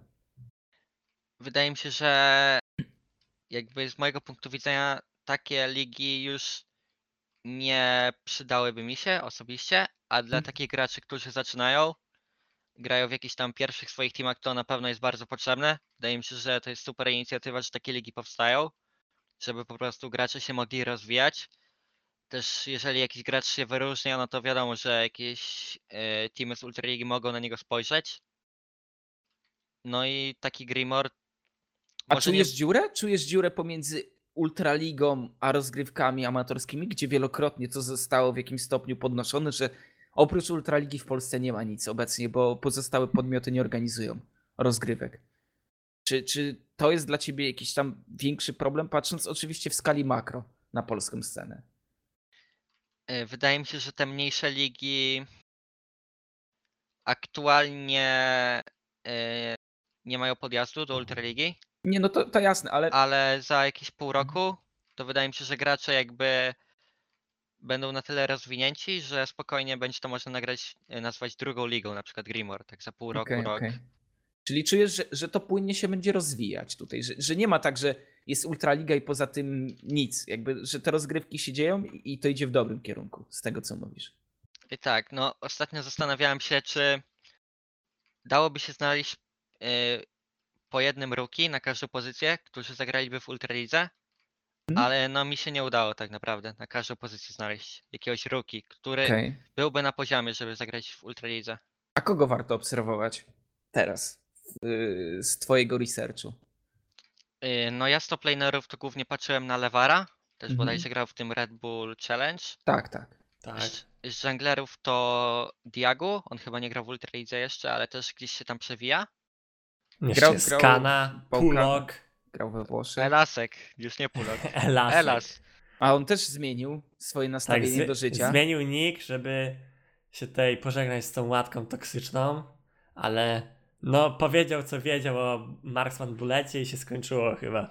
To z- znowu gdzieś tam powiedział jakieś brzydkie rzeczy? Na Twitterze byś musiał przeczytać. Marksman Bullet na pewno znajdziesz. Pokory. Gucio, Gucio orędował. Panowie, więcej pokory na tym Twitterze. A nie zmieniacie niki. To, to, że ubierzecie inną szatę, to nie znaczy, że nagle jesteście innymi ludźmi. To tak nie działa. A Diago to mnie bardzo cieszy, że go, że go wyróżniłeś, bo to był pierwszy zawodnik mój w Sneaky Foxes. Pierwszym, pierwszym. Jeszcze z Gatekeeperem, to w ogóle ciekawa O, historia, proszę. że Diago. No, trzymam, trzymam kciuki. Chciałbym, żeby w końcu dotarł do, do tego wysokiego poziomu. On, ja wiem, że miał duży problem z netem, bo on cały czas na radiówce cisnął. Mhm. I to po prostu absolutny dramat. E, kurczę, trochę, trochę po wtopie, ale myślę, że całkiem fajne, fajne rzeczy. E, 2020 nowe Devil's One, co sprawia, że to nowe Devil's One jest takie dobre? Bo poziom chyba. Poziom naprawdę jest e, ciekawy w tym sezonie Ultraligi. Co, co ty uważasz o tym? Tak, poziom na pewno jest ciekawy. Wydaje mi się, że od samego początku Ago było faworytem, ale jednak te, te różnice pomiędzy top 1 i 2 się zacierają. Wydaje mi się, że Kik może nawet wygrać z Ago w tym półfinale, Mhm. a reszta, no to te drużyny 3 do 6 e, wydaje mi się, że były dość wyrównane. Wie, jeżeli każdy z każdym mógł wygrać. Nie, niektóre teamy nie wypaliły po prostu, niektóre grają gorzej, niektóre lepiej ale no to 3-6 jest tak dość wyrównane, a nie, może 3-5, 3-5 jest wyrównane, a 6-7-8 no to no coś po prostu nie wyszło w tych składach. No tam zresztą o tym pogadamy. Tam tak naprawdę gruntowne zmiany. Aves pozbyło się składu, Diablo Cherish wypada z Ultraligi, a Pride już postanowiło robić zmiany. I widać, że zrobienie składu nie wystarcza, żeby cokolwiek ugrać już teraz. Tak, takie mam wrażenie, że to jest przełomowe, bo Pride za każdym razem udawało się jakoś przepchnąć. Tutaj skład Rybsona zgarnęli i wyszło fajnie. Y, Tu później e, Color z ekipą, z Yashiro też, też Mm. że tak powiem, zrobił im wynik. Teraz na papierze nie wyglądało to źle, ale bez takiego day by day y, pielęgnowania, nazwijmy to składu, skończyli jak skończyli, nie? Ale Sprite naprawdę zawsze było tak, że jakby zawsze tam, wiesz, zawsze było paru graczy, co niby gdzieś mieli grać, ale nie wyszło. Potem się skończyło tak, że nie mieli gdzie grać. No i zawsze kończyli w Pride, no bo lepiej grać w Pride niż w ogóle nie grać. No To tak, się tak. zgadza. Ale Więc... ja bym może nie o Pride, nie o Diablo i nie o Aves, bo chociaż o Aves to za chwilę, bo chciałem zapytać najpierw o te drużyny, z którymi jeszcze nie walczyłeś w playoffach. E, Trochę oglądałem Veggie'ego, który opowiada, opowiadał o tym, co, co nie wyszło, dlaczego taki słaby wynik i tak dalej. Royson podobno twierdził, że jakby suma tych wszystkich zawodników, suma talentu, jaki był w Piratach, nie dała, nie dała tego wyniku, którego się spodziewali, bo na samym starcie naprawdę jakby ten skład wydawał się bardzo skillowy i taki, który osiągnie sukces. Idąc dalej, e, mówił też trochę o tym, że kończyły, znaczy uznali, że skalowanie będzie najlepsze i to jest to, co im, przed, co im wychodziło, to jest to, co im działało, a mam wrażenie, że po prostu dwie drużyny, które były bardziej pasywne, po prostu przegrały w tych. E, wiadomo, jakby w waszym pojedynku różnica klas, już to, to trzeba sobie powiedzieć, ale piraci myśleli, że co by nie mówić, nie najmocniejszy Illuminar. Pokonają tym, że po prostu freescaling przelecą do 40 minuty i wygrają dwa teamfighty. I jak ty oceniasz piratów w tym sezonie, który de facto dla nich się zakończył? E, tak szczerze to nie wiem co tam zawiodło, ale wydaje mi się, że problemem w tej drużynie jest to, że nigdy nie mają mid prio i przez to też ciężej się gra w obecnej mecie. Nie wydaje mi się, żeby pojedynczy gracze byli jacyś źli. Wydaje mi się, że każdy z nich miał potencjał, nadal ma, ale też po prostu jako drużyna nie potrafili się zgrać. To też stylistycznie. Znaczy, to tak jakby takie płynęło, płynął wniosek od Fryderyka, że po prostu stylistycznie ci zawodnicy do siebie nie pasowali. Na zasadzie, nie wiem, nie było jasno zarysowanego lidera, by ciągle przez to mid prio nie, nie do końca mogli grać, a ten scaling to była taka próba łatania tonącego statku, ale i kurczę, wydawało się, że Defles wprowadzi jakąś świeżość, ale jak widać mm, o, dobrze, że mi przypominacie, żeby de facto nie było za dużo. Jakby jedną, wiesz, jedną zmianą nie zmienisz Dziękuję. nagle tego, że będziecie lepsi od jakiejś innej drużyny. No tak naprawdę... Ale Wojtek, wielu stawiało ich jako faworytów, bo, Nie, mi się wydaje, że ci ludzie byli pijani trochę. bo Grobowiec był delikatny no. w Illuminar. No nie, wiadomo, z perspektywy czasu łatwo jest oceniać, ale wtedy i w jednej i w drugiej drużynie było słabo. Miałeś pewne trendy pozytywne w Piratach, w Illuminar było ogólnie kiepsko. Ale się podnieśli, więc no, nie wiem, co teraz u nich słychać. Ale no wcześniej to słyszałem, co tam było przed tymi piratami, to naprawdę wychodzili na prostą. Co prawda ich gameplay pozostało jeszcze wiele do życzenia, ale już było widać, że to nie jest to samo, co, co wcześniej, co przez te ostatnie dwa tygodnie Ultraligi. No i, i chyba tyle o piratach, a może trochę bardziej właśnie, albo nie, Illuminar zostawmy sobie na deserek, bo oczywiście ten pojedynek w środę. Yy, Aves, wasz pojedynek. Nie wiem, ja uważam, że po raz kolejny, podsumujmy sobie w ogóle Aves. Dostali kredyt zaufania, drugi raz wzięto ten skład, w zasadzie niezmieniony Kubyt wskoczył za Gierka. Mm, mogli sobie trenować bardzo długo. Szarpnęli, jak to w ich stylu, dostali się rzutem na taśmę do playoffów, ale znowu bez wyrazu 0-3 i nie wiem, już, ten pierwszy draft pokazał mi, jak duża jest różnica pomiędzy, pomiędzy wami. Już, już w samym wyborze postaci, bo bardzo skręcili, że tak powiem, przesuwając Cassiopeia na górną aleję, gdzie dla was to była autostrada do tego, żeby zagrać early game. Na zasadzie bierzesz Kleda, który bardzo dobrze rotuje agro, mieć Pantona. Jak Kled Panteon to jest takie wiecie, drogę.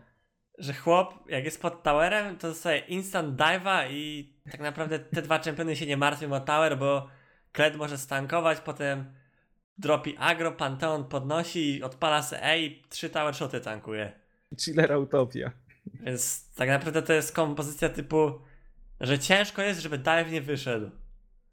A też Cassiopeia no raczej jest dosyć squishy early i no I, I co mnie najbardziej, i do tego chciałbym, żebyś się odniósł, co mnie najbardziej rozczarowało, to to, że Aves znowu nie przyniosło nic nowego na playoffy. Nie widziałem Fleksowali tam... Cassiopeia na topa przecież. Tego się nikt nie spodziewał. Spodziewaliście się tego, Kuba? Tak szczerze to ta Cassiopeia na topie to była jedna rzecz, która mnie zdziwiła, ale Całej serii. tak, wydaje mi się, że to była jedyna wydaje mi się, że to była głupia rzecz przesunięcie Cassiopeia na topie, na, na topa.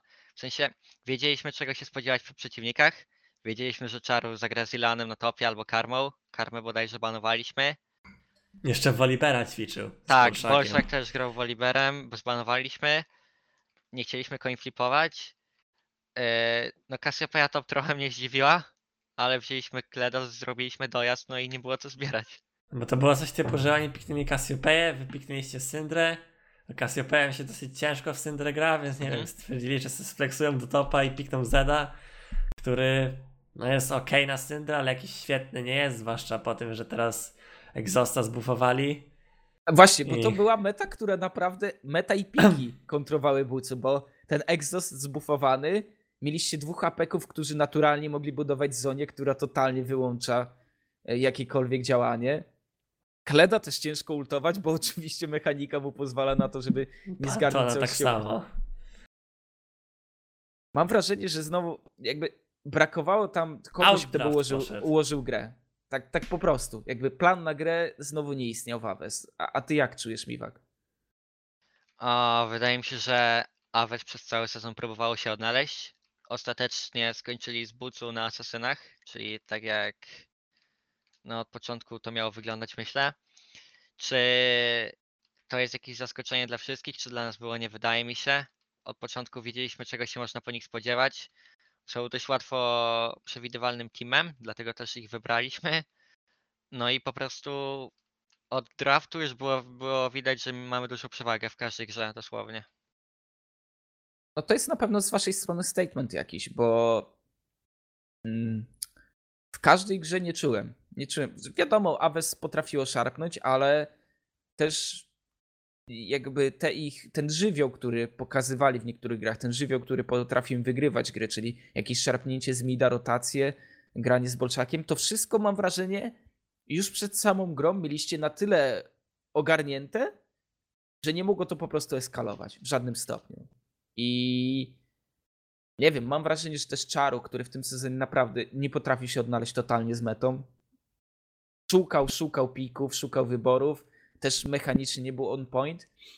E, Ta seria dla ciebie chyba była dość łatwa, patrząc z perspektywy samej jakby linii. I tak, no z perspektywy linii była dość łatwa. Wiedziałem, że ciężko będzie przegrać linię. E, wiedzieliśmy, że jedyne zagrożenie ze strony Aves to było ich mid jungle, które, na które się po prostu dobrze przygotowaliśmy.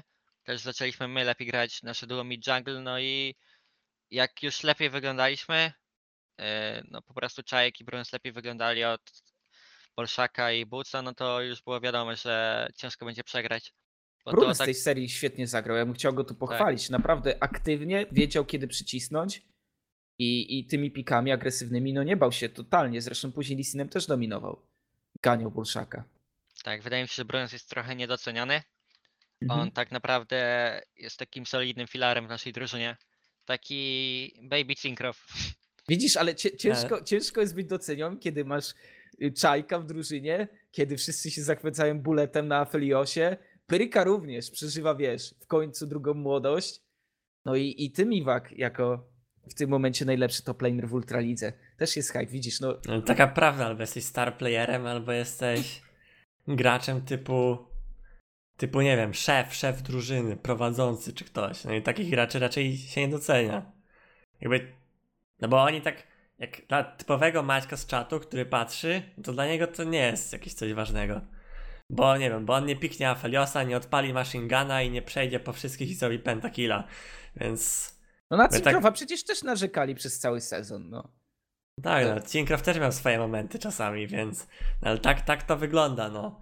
Ra, raz, raz gra nie wyjdzie, no ale czasem muszą być takie gry. A mechanicznie jak się czujecie? Bo o to chciałem zapytać, bo wiadomo, Setural dla Sportmani mówił o tym, że musieliście wiele nadrobić w tym styczniu, że ten styczeń to było takie pole do eksperymentów, jeżeli chodzi o drużynę, układanie tych, tego wszystkiego w całość, ale czy ty patrząc na siebie, na swoich kolegów mechanicznie, czujesz, że na którąś drużynę po prostu możecie nie dać rady, czy na ten moment indywidualnie jesteście gotowi na każdego? Tak szczerze to myślę, że mechanicznie jesteśmy najlepszą drużyną. Po prostu nie mamy wiedzy i doświadczenia, żeby wygrywać jeszcze. Okej. Najlepszą? No, Czyli uważasz, że jesteście lepsi mechanicznie od Ago na przykład? no. To dobrze, że jesteście pewni siebie. A, ale czekaj, Wojtek, Nie Dlaczego, dlaczego miałbyś tak nie twierdzić? W sensie, Przynajmniej ja tak uważam. To, to jest myślę, No jakby że wydaje to mi jest, się, to jest mocny Woolite statement, ale z Mystic drugiej strony. Okej, są tak, by to far zaburza. najlepsi. To No zaburza. to, już, to już są dwie, dwie piąte. Czekolad też mi się wydaje, że jest lepszy od czajka. No słuchaj, To jest jego zdanie, ty możesz no, się z ja mam nie swoje zgadzać. zdanie. No wiem, wiem, że to jest jego zdanie. Bo no, tak wiesz, mówię, Na, na przykład ja bym wolał zdecydowanie, zresztą tutaj Szygenda na pewno będzie tym gościem, który będzie musiał najwięcej pokazać w playoffach, bo i, i widziałem, że Hachi go e, tutaj piętnował jako najsłabszy punkt. I Zanzarak, zobaczymy czy wpasuje się, bo co by nie mówić, on w, w mecie ma dosyć specyficzne czempiony, ten topside na pewno jest czymś, o co moglibyśmy się obawiać, a, a Czekolad też oczywiście hypowany jako polski midlaner, ale też miał gorsze gry. Wiadomo, no tutaj najbardziej wyrazisty jest ten bottom i, i tu będę ciekawy każdego zestawienia, bo mamy naprawdę ciekawe, w sensie mamy bardzo mocne botomy. No ale... ale to dobrze, dobrze, że są pewni siebie Mhm. i dobrze, że tak myślą, bo jakby myśleli, że są gorsi, to od razu byliby na przegranej pozycji. I to jest coś, o czym Perks mówił. Że jeżeli wchodzisz do gry i wiesz, że jesteś gorszy i no i jakby spodziewasz się tej porażki, no to o wiele ciężej jest wygrać. Niż gdy myślisz, że jesteś lepszy, jesteś gotowy rozwalić przeciwnikom głowę o krawężnik. Nie mów tak, bo przyjdzie Krazos i będziesz musiał zapulić, wiesz, Ale to jest tylko, tylko przenośnia. Bo pamiętaj, to że jest jest, jesteś pod ale to jest- regulamin. Wolne esportowe show. A pamiętaj, że u nas każda wiadomość to jeden dolar na czacie i, i trochę tego będziesz musiał ze No swojej właśnie, pensji. teraz, teraz powiem, cały czat napisze D dwukropek i się zwróci. To jest przedsiębiorca. Przedsiębiorca młody.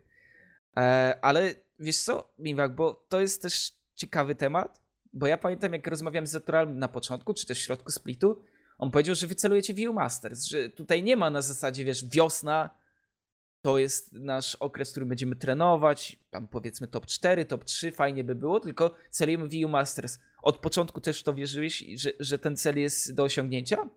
I tak, jakby sezon zasadniczy to było trochę takie whatever, czy będziemy mieli szóste miejsce, czy trzecie. ważne było, żeby się dostać do playoffów. E, Ja osobiście wiedziałem, że po prostu z biegiem czasu będziemy, że tak powiem, skalować do tych playoffów. E, Też jako gracze, przynajmniej Brunes i Czajek, ja też miałem małe doświadczenie w Ultralidze i po prostu wiedziałem, że jak będziemy dłużej ze sobą grali, lepiej się zgramy, też będziemy ciężko pracować, to po prostu będziemy lepiej wyglądać na playoffach. Mhm. Illuminar Gaming. Rywalizacja, która sięga początków Devil's One. Tak jak mówiłeś, czy też pisałeś, fajnie będzie zagrać na nich, fajnie będzie znowu sprać tyłek Illuminar, bo dwukrotnie w poprzednim roku nie dawali rady. Teraz miały być inne ambicje. Teraz nawet słyszałem od y, Mateusza Kowalczyka, który mm, również tam działa w Illuminar, Że jest celuje- właścicielem chyba. Chyba tak, chyba tak. Tak mi się Nie wiem wydaje, że jest właścicielem. Że celują w zwycięstwo. Jakby też na pewno ambicje i apetyt był duży. A przed samym startem playoffów nie czułem, żeby ci zawodnicy wypowiadali się na zasadzie, że jest, że jest kiepsko. Oni cały czas są świadomi tego, że walczą przynajmniej o EU Masters. Ale coś nie działa. I co według ciebie jest. Jakie są słabe strony Illuminar, jakie są w tym momencie problemy? No na pewno w sezonie zasadniczym to było tak, że Kiki zintował od tak od połowy sezonu. Ale z czego to wynika, że tak doświadczony zawodnik robi tak losowe rzeczy? Bo to wiesz, to Może nie jest jest, zasad... to nie jest, że, że robisz jakieś tam małe misplaye. To po prostu wiesz, Puffing, który totalnie disrespektuje całą piątkę, która jest po drugiej stronie. Tak, no w sensie to nie jest tak, że Kiki jest, jest jakiś słaby, tylko wydaje mi się, że Podejmuje suboptymalne decyzje. no można tak powiedzieć. Wydaje mi się, że nadal jest to drużyna, która będzie walczyła o EU Masters, nawet do wygrania Ultraligi, ale czy tak się stanie, no nie wiem. Na pewno są to gracze, którym, którzy mają duży potencjał. Melonik wydaje mi się, że e, niedługo może iść do jakiegoś topowego zagranicznego teamu. Pewnie w przyszłym roku już. Nie mów mu tak, bo mu ego, wiesz, wy, wyskoczy dobrze, za wysoko. On już, on już ma ego zbyt, dosyć duże, więc... No tak, tak, ostatnio przecież o swoim trenerze powiedział, że bardziej przeszkadzał niż pomagał, nie? No. Ale to jest sprytna zagrywka, żeby wejść do głowy, żeby myślał, że się boi, że tak naprawdę na rifcie pokażesz, co Bo, potrafisz. bo to będzie trochę, nie? Taki pojedynek tych młodych, młodych utalentowanych. O młodych, 19 lat mam, emeryt No. prawie. Już do grobu Ja- ja- wchodzimy ja- z Kubą co, jedną Nie nogą. lubię tego, nie lubię tego, bo ja mam trochę lat więcej i jak ja słyszę, że No ktoś mówi jesteś 19 boomerem, lat dinozaurem w rajonku. i, i ktoś mówi o tym, że to już emerytura. No ale tak, na, mówiąc tutaj o takim drugim pokoleniu Ultraligi, no to na, będzie jakaś honorówka Miwak czy nie? Czy honorówka? Nie wiem, ale na pewno się będzie ciekawie grało. Jak ktoś solo killuje, to będą jaja jakieś pewnie. No właśnie, ale oprócz samego Kikisa, ktoś też cię rozczarował w Illuminar tak indywidualnie? Yy, momentami Jazzis myślę. Chyba Ale więcej to- oczekiwaliśmy od niego, co? Tak, tak ale to prostu. też nie wiem z czego to wynika. Może po prostu on tam teraz pełni jakąś rolę trenera, może po prostu bardziej się tym zajmuje. Mhm. Też nie wiem czy miał jakąś przerwę, ale też chyba wcześniej coachował, też nie był graczem. No nie był graczem chyba od EU Masters No, z Wagenem. Teraz Czyli jak wrócił, dwa to lata jakoś? Tak. No i teraz jak wrócił, to myślę, że po prostu potrzebował czasu. Yy, Na playoffach na Piratów chyba grał dość ok, z tego co widziałem, ale też nie oglądałem wszystkich gier. No ale wydaje mi się, że to co mieli naprawić do playoffów to naprawili, ale to też okaże się w następnym meczu. A, czy, czyli czujesz taki step up z ich strony, Tak, no, patrząc na to? mhm, no bo mieli 5 porażek z rzędu chyba pod koniec sezonu, Tak, tak. a teraz wygrali na Piratów, dość dobrze się pokazali moim zdaniem. Poprawili swoją grę, zresztą też, no i to będzie ciekawy mecz na pewno, myślę, że dość wyrównany. Kto, co może być kluczowe, albo kto może być kluczowy dla tej serii, w twojej opinii? A... Myślę, że dyspozycja junglerów, Te, też właśnie w tym, Bo- tym, właśnie w tym kierunku na pewno kręcałem. Kikis jest ważną osobą w Illuminar, też Brunes jest e, ważną osobą u nas. Wydaje mi się, że obaj junglerzy prowadzą bardzo dobrze grę. E, No jeżeli obaj junglerzy będą grali dobrze, no to wydaje mi się, że to też dużo zależy od draftów, Mhm. zależy też jak gracze pracowali, no i wydaje mi się, że to No jedno jest pewne. Brunes zintuje TikToka. Pytanie, kto zintuje na Rifcie? Bo to mam wrażenie. jeszcze komedia na suba wleciała do nas, to O, może, czy, no, czy, czy możemy spodziewać się komedii na rifcie? no Bo słuchaj, Zetural mówił, że jest taka możliwość w półfinale. no Screamak Chciałem, zagrała na jedną A- grę, Naprawdę? Jak No. poszło? wygraliśmy. No to A, ciekawe. a grała A na- Sytuani? No, No tak. Ale no właśnie tak. ciekawe, że taki, tutaj, taki ruch tutaj zrobiliście, więc jakby naprawdę jakby komedia weszła, to byłby evenement. piąta mapa komedia wchodzi, gitara gdzieś- się ma. Gdzieś Chodzi do słyszałem. głowy Kikisowi, nie? Oj tak. Będzie rewanż wcale nie możemy o niej tak samo myśleć, bo wygrała w Dubaju tam ten turniej, więc takie opinie się po, po, pojawiały na grupie dyskusyjnej Mulibuma. No ale wiesz, no. Dobra, to już wracając na ziemię, bo ty widzę, Więc że do twojego... całkiem, całkiem realnie tutaj możemy się spodziewać tego. Sama komedia mówi o sobie jako y, polskim Ale odpowiedniku czaisz, promisku. jakby komedia wywiozła Kikisa? No to on by, wydaje mi się, że mógł się To mi się pakować, wydaje, nie? że on mógłby już skończyć karierę. No, no. Ale to Się nie, nie, żeby o rzeczach, o, o rzeczach które się... komedii, ale no, które się- poziomów jest dosyć spora, jeśli tak spojrzymy obiektywnie na to. Nie mówmy o rzeczach, które najprawdopodobniej się nie wydarzą, bo No. raczej ten skład zagra, ale... Ale na właśnie- przykład, tak jakby wiesz, byłaby taka sytuacja kryzysowa jak ostatnio. Że nie wiem, Brunes by na Brunes przykład złamał rękę. I, I łamie rękę kostkę. sobie. A nie, no z kostką mógłby grać, ale nie. Oczywiście nie, nie będziemy tutaj źle wróżyć, ale jakby taka komedia wleciała i wywiozła znowu Davis One. Davis One, drużyna, która z subami wygrywa wszystko. No jakby się tak stało, to by na pewno było ciekawie. Myślę, że No. IHG powinno, jakby się coś takiego się stało, to powinni zamknąć działalność. No, a gorzej jakby Kik swoją tajną broń odpaliło, żeby was skontrować i Albo wypuścili jest na No to jest fakt. A kogo Illuminar ma? No, Jak nie ja wiem. chyba nikogo nie ma. Nie, Nie, muszę trzeba mieć. jednego. No. A nie Overpool. No i gitara. No to właśnie, czy znowu, czy znowu Overpool zamieni Nika w drużynie? W sensie w Illuminar, nie? No bo tak już było kiedyś. Ale dobra, podchodziłeś na pewno, bo jakieś tam głosy się pojawiały, że Aves może mieć szansę, że Aves może gdzieś tam szarpnąć. Pokazali, że w playoffach po prostu nie są drużyną, która potrafi Miałem się taką adaptować. nadzieję, ale nie wyszło. Ale jak pod... jakoś zmienia się wasz mindset do podejścia do Illuminar? Na zasadzie takiej, że jest to przeciwnik, który realnie może nas wykluczyć, czy, czy raczej po prostu cały czas jedziecie tym swoim e, założeniem, które macie? No Illuminar poprawiło swoją grę, my też poprawiliśmy. Wydaje mi się, że lepiej wyglądaliśmy w playoffach. Nie baliśmy się robić jakichś różnych rzeczy, różnych zagrań. E, No ten, me, ten mecz na pewno nie będzie jednostronny. Wydaje mi się, że my i Illuminar możemy wygrać, zarówno my jak i oni. No i czy mamy większe szanse? Wydaje mi się, że tak. A Ale jakbyś procentowo to określił? e, teraz? 60-40 myślę. Okej, okej. To nie jest jakaś duża różnica, tak myślę. Mm, Na pewno nie, mo- nie można się bać o wasz champion pool, bo okazaliście, że potraficie przybrać różne style, każdy z zawodników potrafi zagrać różnymi postaciami, a w Illuminar widzisz taki problem? Eee, Jakby to nie są jakieś drużyny one tricków, że wydało się ich wybanować tak TBH.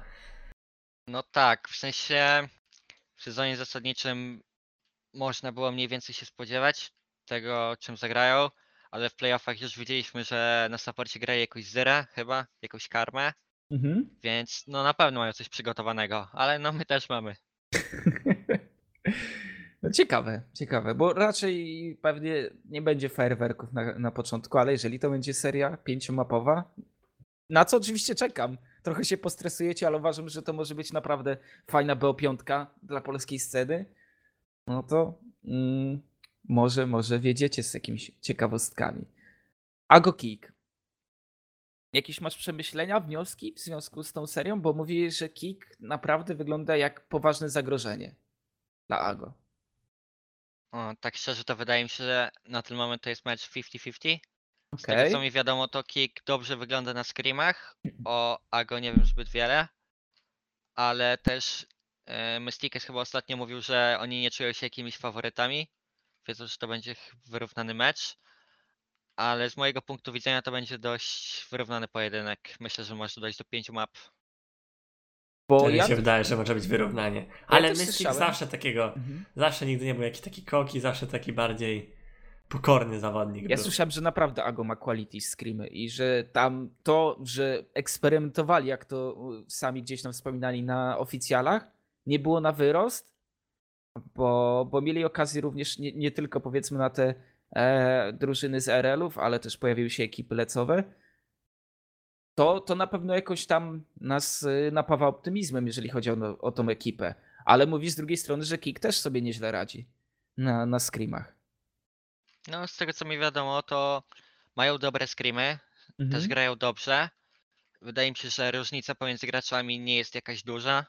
Niektóre linie są lepsze, niektóre gorsze w obie strony, więc czy będzie jakiś duży difference? No raczej nie. To będzie wyrównana seria. A Delord Coach, masz, masz jakieś informacje na temat yy, pana Pawła, na temat tego, jak działa? Może ty masz jakieś przemyślenia w związku z tym, jak, jak ten sezon wyglądał? Yy, Zbyt dużo nie wiem, ale wydaje mi się, że to jest dość ciekawy ruch. Wydaje mi się, że spełnia swoją rolę.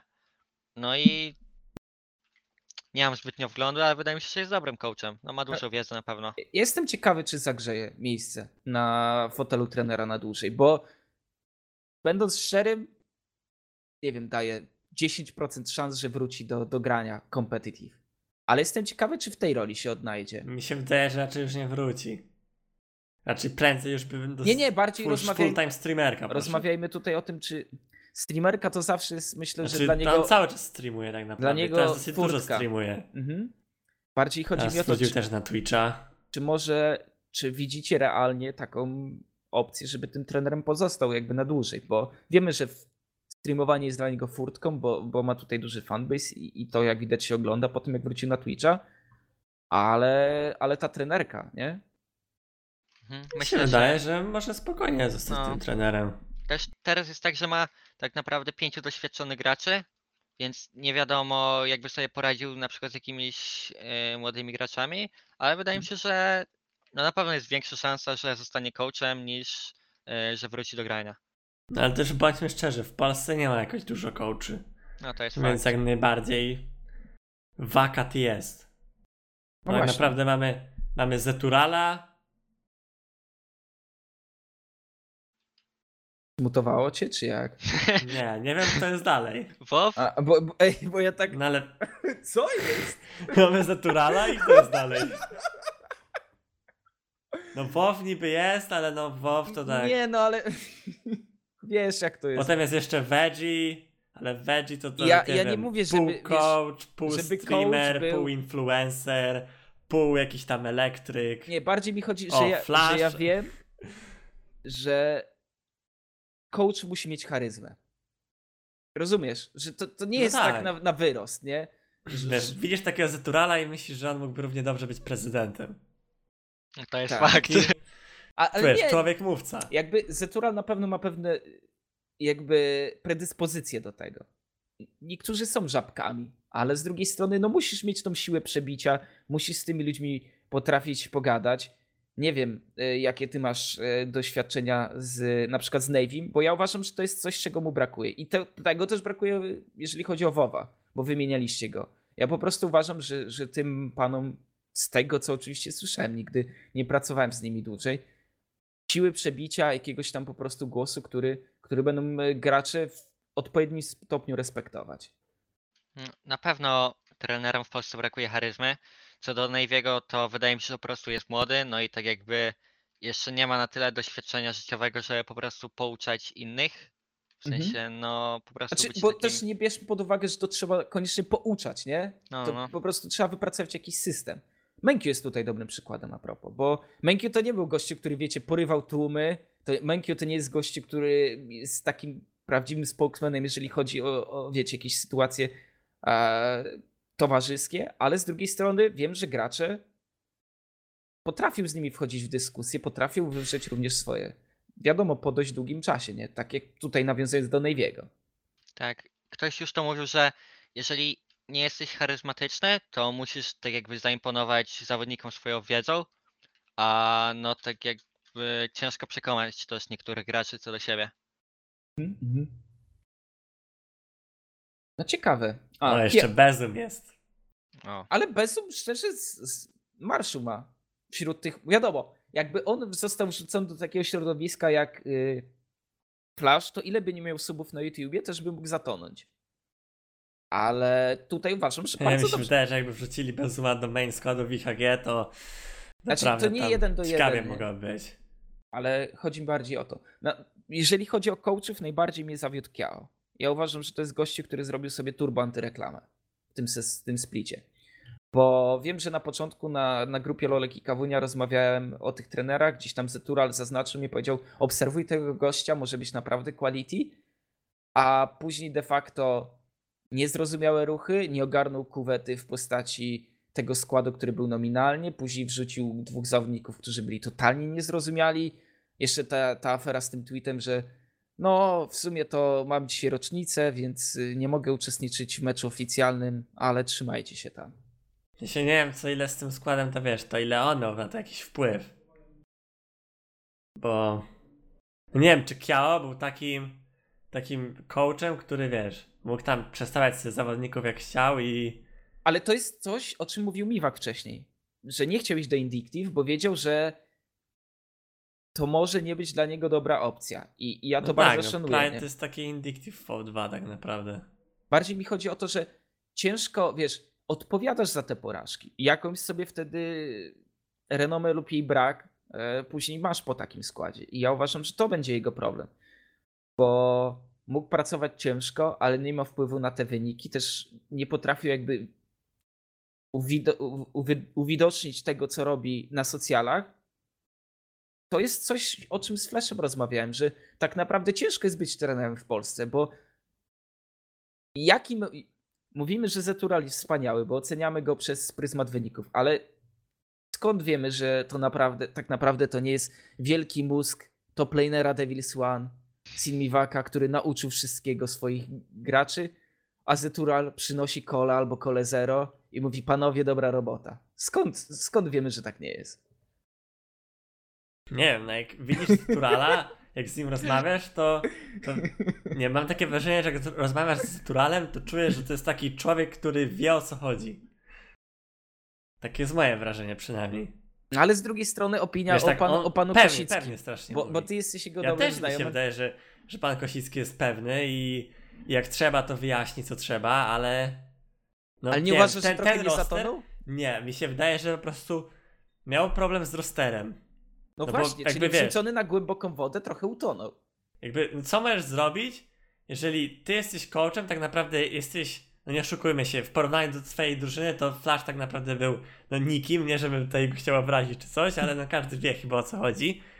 I on idzie do takiego Kikisa i on coś na przykład mówi temu Kikisowi. Ale Kikis i tak robi swoje i tak pójdzie, piknie jakiegoś losowego trundla i pójdzie, pójdzie, nie wiem, na przykład zinwadować Reda. I nie jest, że on zrobi raz, tylko z trzy razy tak zrobił chyba. Miwaka, jak ty uważasz? Bo, bo to była odważna tak decyzja by- ze strony wydaje- Flasha, żeby wejść do tego składu, nie? To jest taki roster, że on tak naprawdę nie miał za dużo do gadania. Wydaje mi się, no tak jak mówi Lewus, wydaje mi się, że y, poza sklejeniem składu, bo chyba też był częścią tego, to y, od początku można było założyć, że ciężko mu się będzie pracowało. No i tak się stało. Nie do końca wiem, co się stało wewnątrz, ale z mojego punktu widzenia to na pewno Flash jest osobą, która ma wiedzę, której warto słuchać.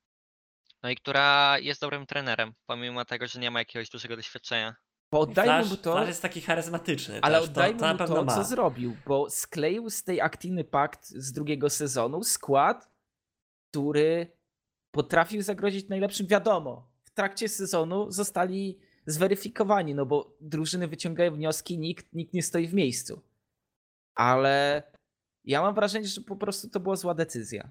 Tak szczerze. Jakby dalej próbowałbym na jego miejscu kontynuować karierę może w- z organizacji z mniejszą renomą, ale z zawodnikami, którzy będą bardziej doceniać go. bo no znaczy ja nie uważam, że jest skończony Ale jakby Uważ- jest coachem i przychodzi do niego IHG i mówi, że mają zrobić skład i go coachować. Jakby to nie wiem, czy to jest.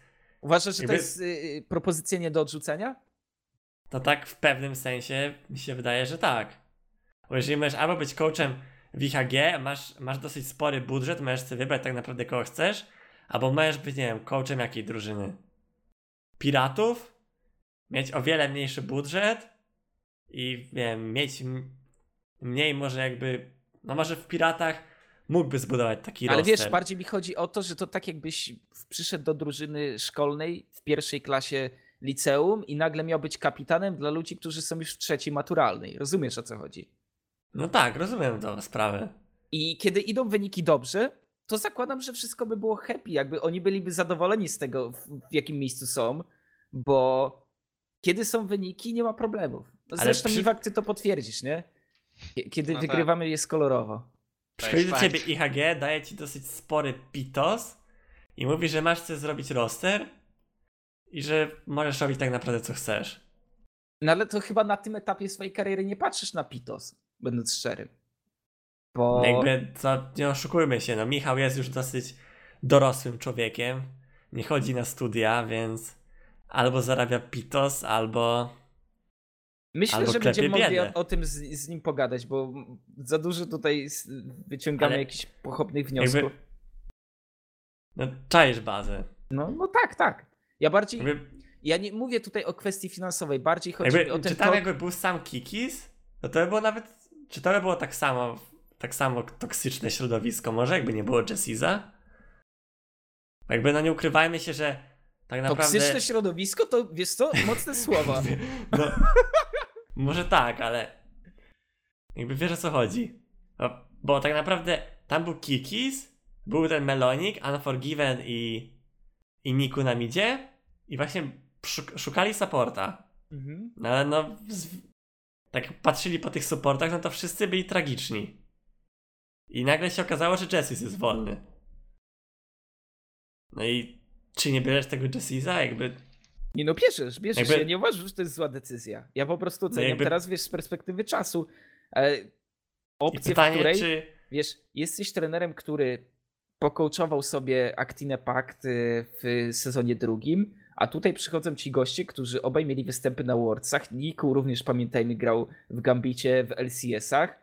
Masz dwóch młodych graczy i de facto jesteś... De facto, nieważne. Jesteś na ich poziomie po prostu, jeżeli chodzi o, o jakby hierarchię, nie? No ale jakby przyszedł do tej drużyny, robił ją i to nagle wiesz, tak, tak wyszło. Tak całkiem przypadkiem, że tam się znalazło dwóch graczy z Worldsów. I tak to wyglądało. Bo tak naprawdę jakby tam był sam Kikis, to by było tak samo ten. Tak samo by to wyglądało. Jakby na przykład był Kikis i na supporcie, nie wiem, jakiś Blue 45. Taki przykład dosyć. Blue 40-50. Bo był wolny, był wolny. Kto tam Nie jeszcze wiem. mógłby być? No, Nie się wiem. wydaje, że miałby wtedy o wiele większy autorytet. Delord Wiluminar. Gitara. Został, zostałby. Nie, no, nie, nie wiem, nie wiem szczerze. To myślę, no możemy że sobie gdybać, no ale... z, z Michałem porozmawiamy, jak go zaprosimy. Co ty na to? Ale, ale to nie obiecuję, że w najbliższych odcinkach, bo... No, Michał ostatnio był tutaj u naszej konkurencji, pana Suchara. Ej, właśnie! Widzowie, nie co to się tego dzieje? podcastu. Wszyscy robią podcasty. Ja zresztą też po Trendsetterzy tym, po tym uciekam do konkurencji z Weszło, bo tam też będę gadał. Ale... Przydałeś się. No, sprzedałem się, tak, tak. Ale, No, ale i najpierw Ryan mówisz, że Pitos nie ma znaczenia, a teraz idziesz do konkurencji się sprzedać. Conflict w Options no, Podcast. tam mam dwa dolary za jeden komentarz na czacie, nie? No ale tam masz mniej komentarzy, to się nie kalkuluje.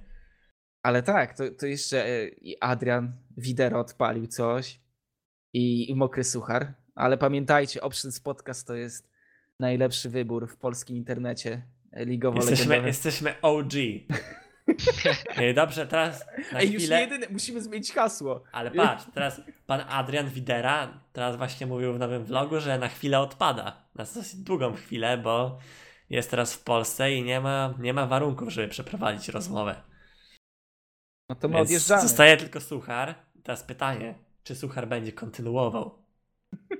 Dobra, nie patrzymy na konkurencję, bo jesteśmy najlepsi. Taka jest prawda. Trzeba Oj, się tak. rozwijać. Taka prawda, tak jak Kuba trzeba mówić, że jesteśmy najlepsi. Tak. Miwak, to, to jest ważna część sukcesu, nie? Wmawiać sobie, że jesteś najlepszy. No Że tak. przeciwnicy nie mają podjazdu. To jest fakt. Indywidualnie jesteśmy najlepszym, po- mechanicznie jesteśmy najlepszym podcastem w Polsce. Prawda? Ciężko się nie najlepszy, zgodzić. najlepszy tutaj przejścia. Slajd. I najlepszych gości macie. O, to, To się też zgadza. prawda. Prawda. Mamy największy staż. Pamiętajcie, jak będziemy się rozwijać, to za chwilę będziemy siedzieć na wygodnej kanapie obok No. Marcin Jankowski. Niedługo zmienimy też kolory tej podcastu na czerwone. Pozdro dla kumatych. Dobra, ale jeszcze temat, który chciałem zahaczyć na koniec, to turniej promocyjny. Krazas jest zapewne gdzieś tam na czacie, albo będzie widział to wideo, bo wszyscy oglądają w Polsce Options Podcast. I strasznie zwracał mi uwagę, żeby nie mówić o tym jak relegację.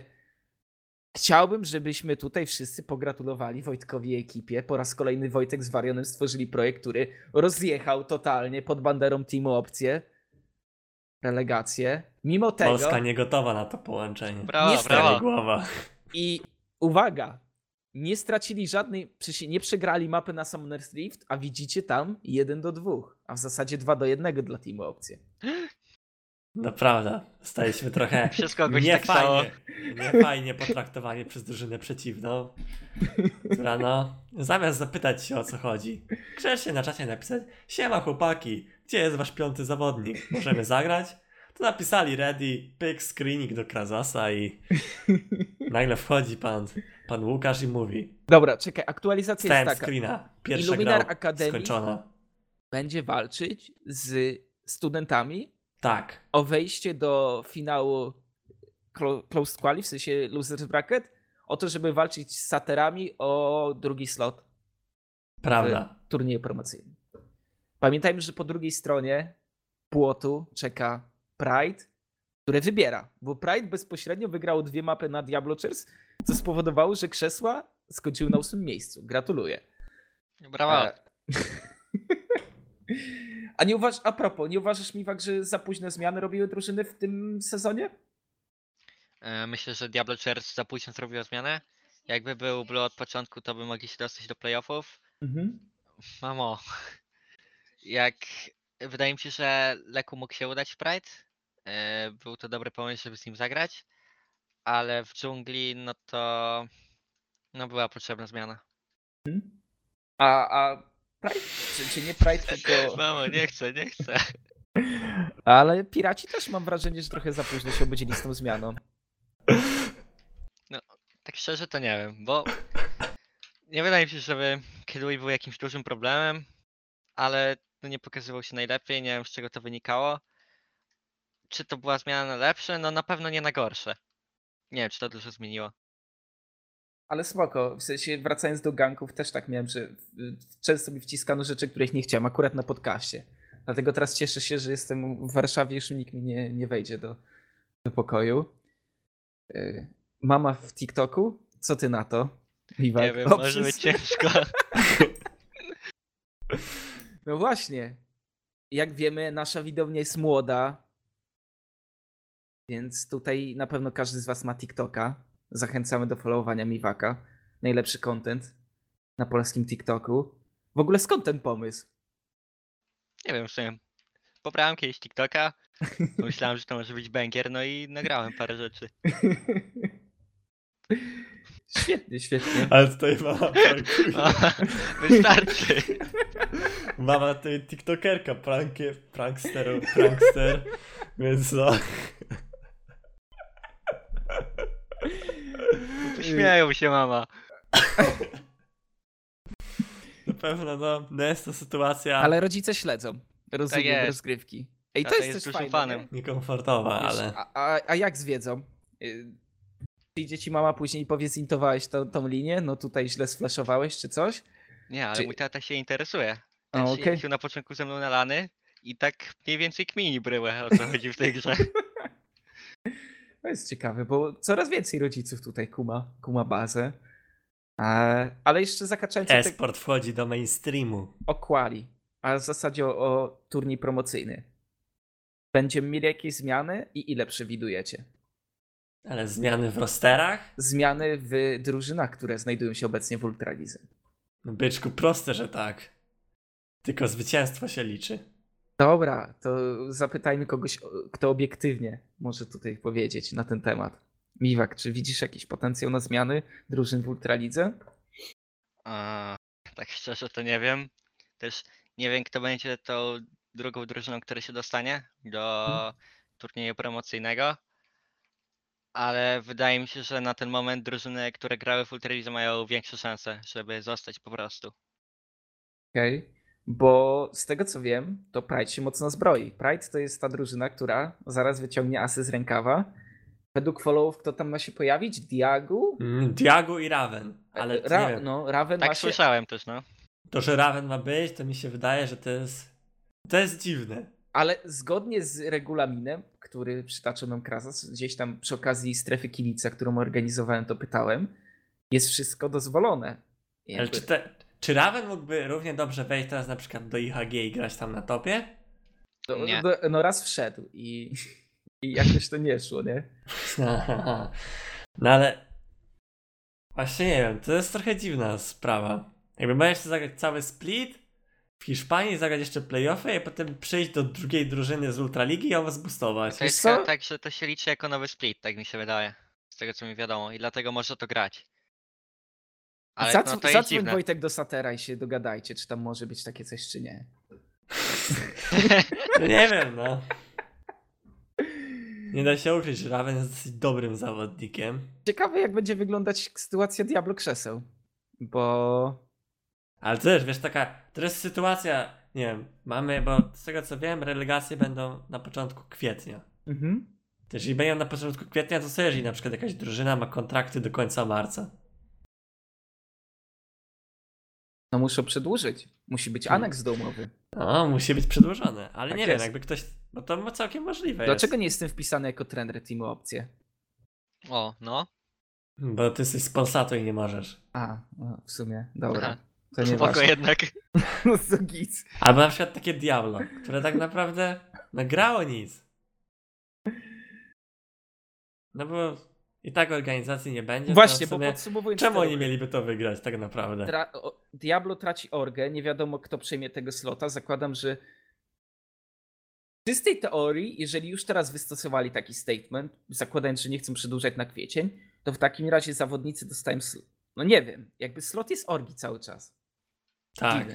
Albo orga będzie nim handlować, albo nie wiem, oddała zawodników, co wątpię, bo jednak chciałbyś wyjąć ten hajs, który zainwestowałeś.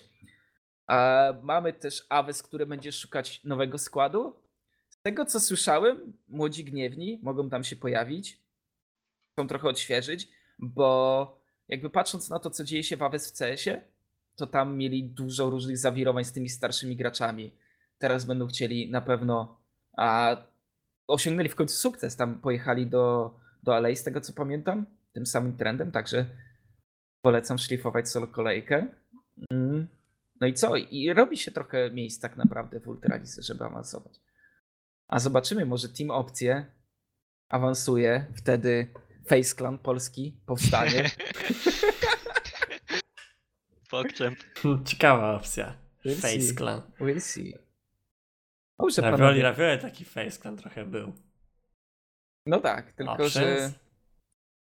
Nie no, Ravioli to byli nudziarze. Teraz Team Opcja to jest coś, coś, co naprawdę porywa ludzi. Widziałeś jak Kaseko emocjonalnie się wypowiadał w wywiadzie pomeczowym? No, no Kaseko solidnie wjechał. Jak Ksajo ze starych czasów. Więc... Podobało mi się jego naprawdę przemówienie. Kaseko zawsze, zawsze, wiesz, taki dobry mówca jest. Mhm. On wchodzi i on od razu, wiesz, mówi, mówi co trzeba robić z typami. Kto będzie grał? Zamulek czy Primacy? Decyzja nie została jeszcze podjęta. Okej. W sumie nie zdradzaj. Niech przeciwnicy się Nie, nie przygotowują. wiem. Niech przygotowują się na obu. Nie wiem, naprawdę, jeszcze nie myśleliśmy nad tym. Nie da się ukryć, że kolega Hedonisten trochę przeholował ostatnio. Z tym, że ze nie spaniem. wstał. Ze spaniem.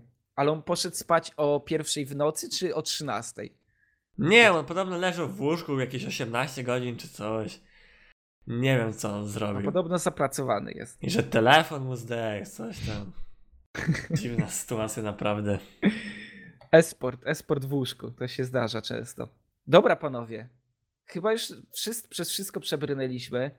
Fajne spotkanie, Miwak. Przede wszystkim życzę powodzonka, bo nie ukrywam, że tak prywatnie jestem dużym fanem tego projektu, który powstał w tym splicie w Devil's One. Na pewno też liczę na to, że ta rywalizacja, która zawsze się pojawiała między wami a IHG, a, w pięciu mapach, jakby się skończyła, byłoby fajnie ale też się nie zdziwię, jak przejedziecie się 3-0. No jakby jedyny wynik, którego nie jestem w stanie sobie jakby przewidzieć, jedyny wynik, którego nie widzę, o tak, to jest 3-0 dla Illumina. A dzisiaj jednak MRD zrobiło 3-0 na Mad Lions. Nikt się tego nie spodziewał. Prawda? Mad Lions no, ostatnio miał jakieś kłopoty, no ale. A co to jest? 3-0? To już teraz mamy drugiego, w sensie, nie, czekaj, to, która Tak, była wiem. faza? To jest MRDS jest w finale i Giants raczej też będzie w finale. Okej, tu mamy już dwóch reprezentantów. Jeżeli Tak. Giants nie będzie w finale, o. Jeżeli na przykład Erdote nie da rady jutro na G2 Arctic, to wstyd wstyd i kompromitacja. No widzisz, ale tutaj na przykład Redoty mówi, że to było spodziewane. No on się spodziewał. Na MRDS też mi się wydaje, że jest dobrą drużyną. Też miałem takie przeczucie. Aż przesunęła mi tutaj tabelkę.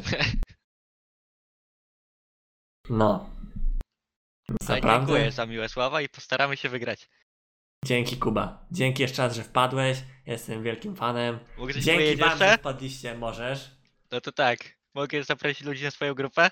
Możesz. Proste, że tak. Zapraszam na Biwaki Miwaka. Fajna grupa. Super, ja Również polecam. zapraszam, udzielam się tam. Yy, I pozdrawiam Erdotę, Nejwiego, Dambaja i Zuzolka. Dziękuję. Pozdrawiamy Zuzolka również. Dzięki, Rzućcie że na czat wpadliście. grupę. Rzućcie Biwaki na grupę, zaraz ktoś rzuci. Dzięki, że wpadliście. Siemano Mamy, dla mamy. was. Oczywiście jesteśmy na YouTube, Spotify. Anchor. Na Apple Zostawcie. Podcast jeszcze nas nie ma, ale to trzeba Będziemy, zmienić. będziemy. Zostawcie nam I- komentarz. Ej, właśnie, hashtag. Miwak. Hashtag. Hashtag Jaki hashtag? Zuzolek. Hashtag Zuzolek, no. Dobra, hashtag Zuzolek w komentarzu. Zostawcie też łapeczkę. Dzięki wam za dzisiaj. Dzięki, dzięki. Dziękuję. My spadamy. Siema.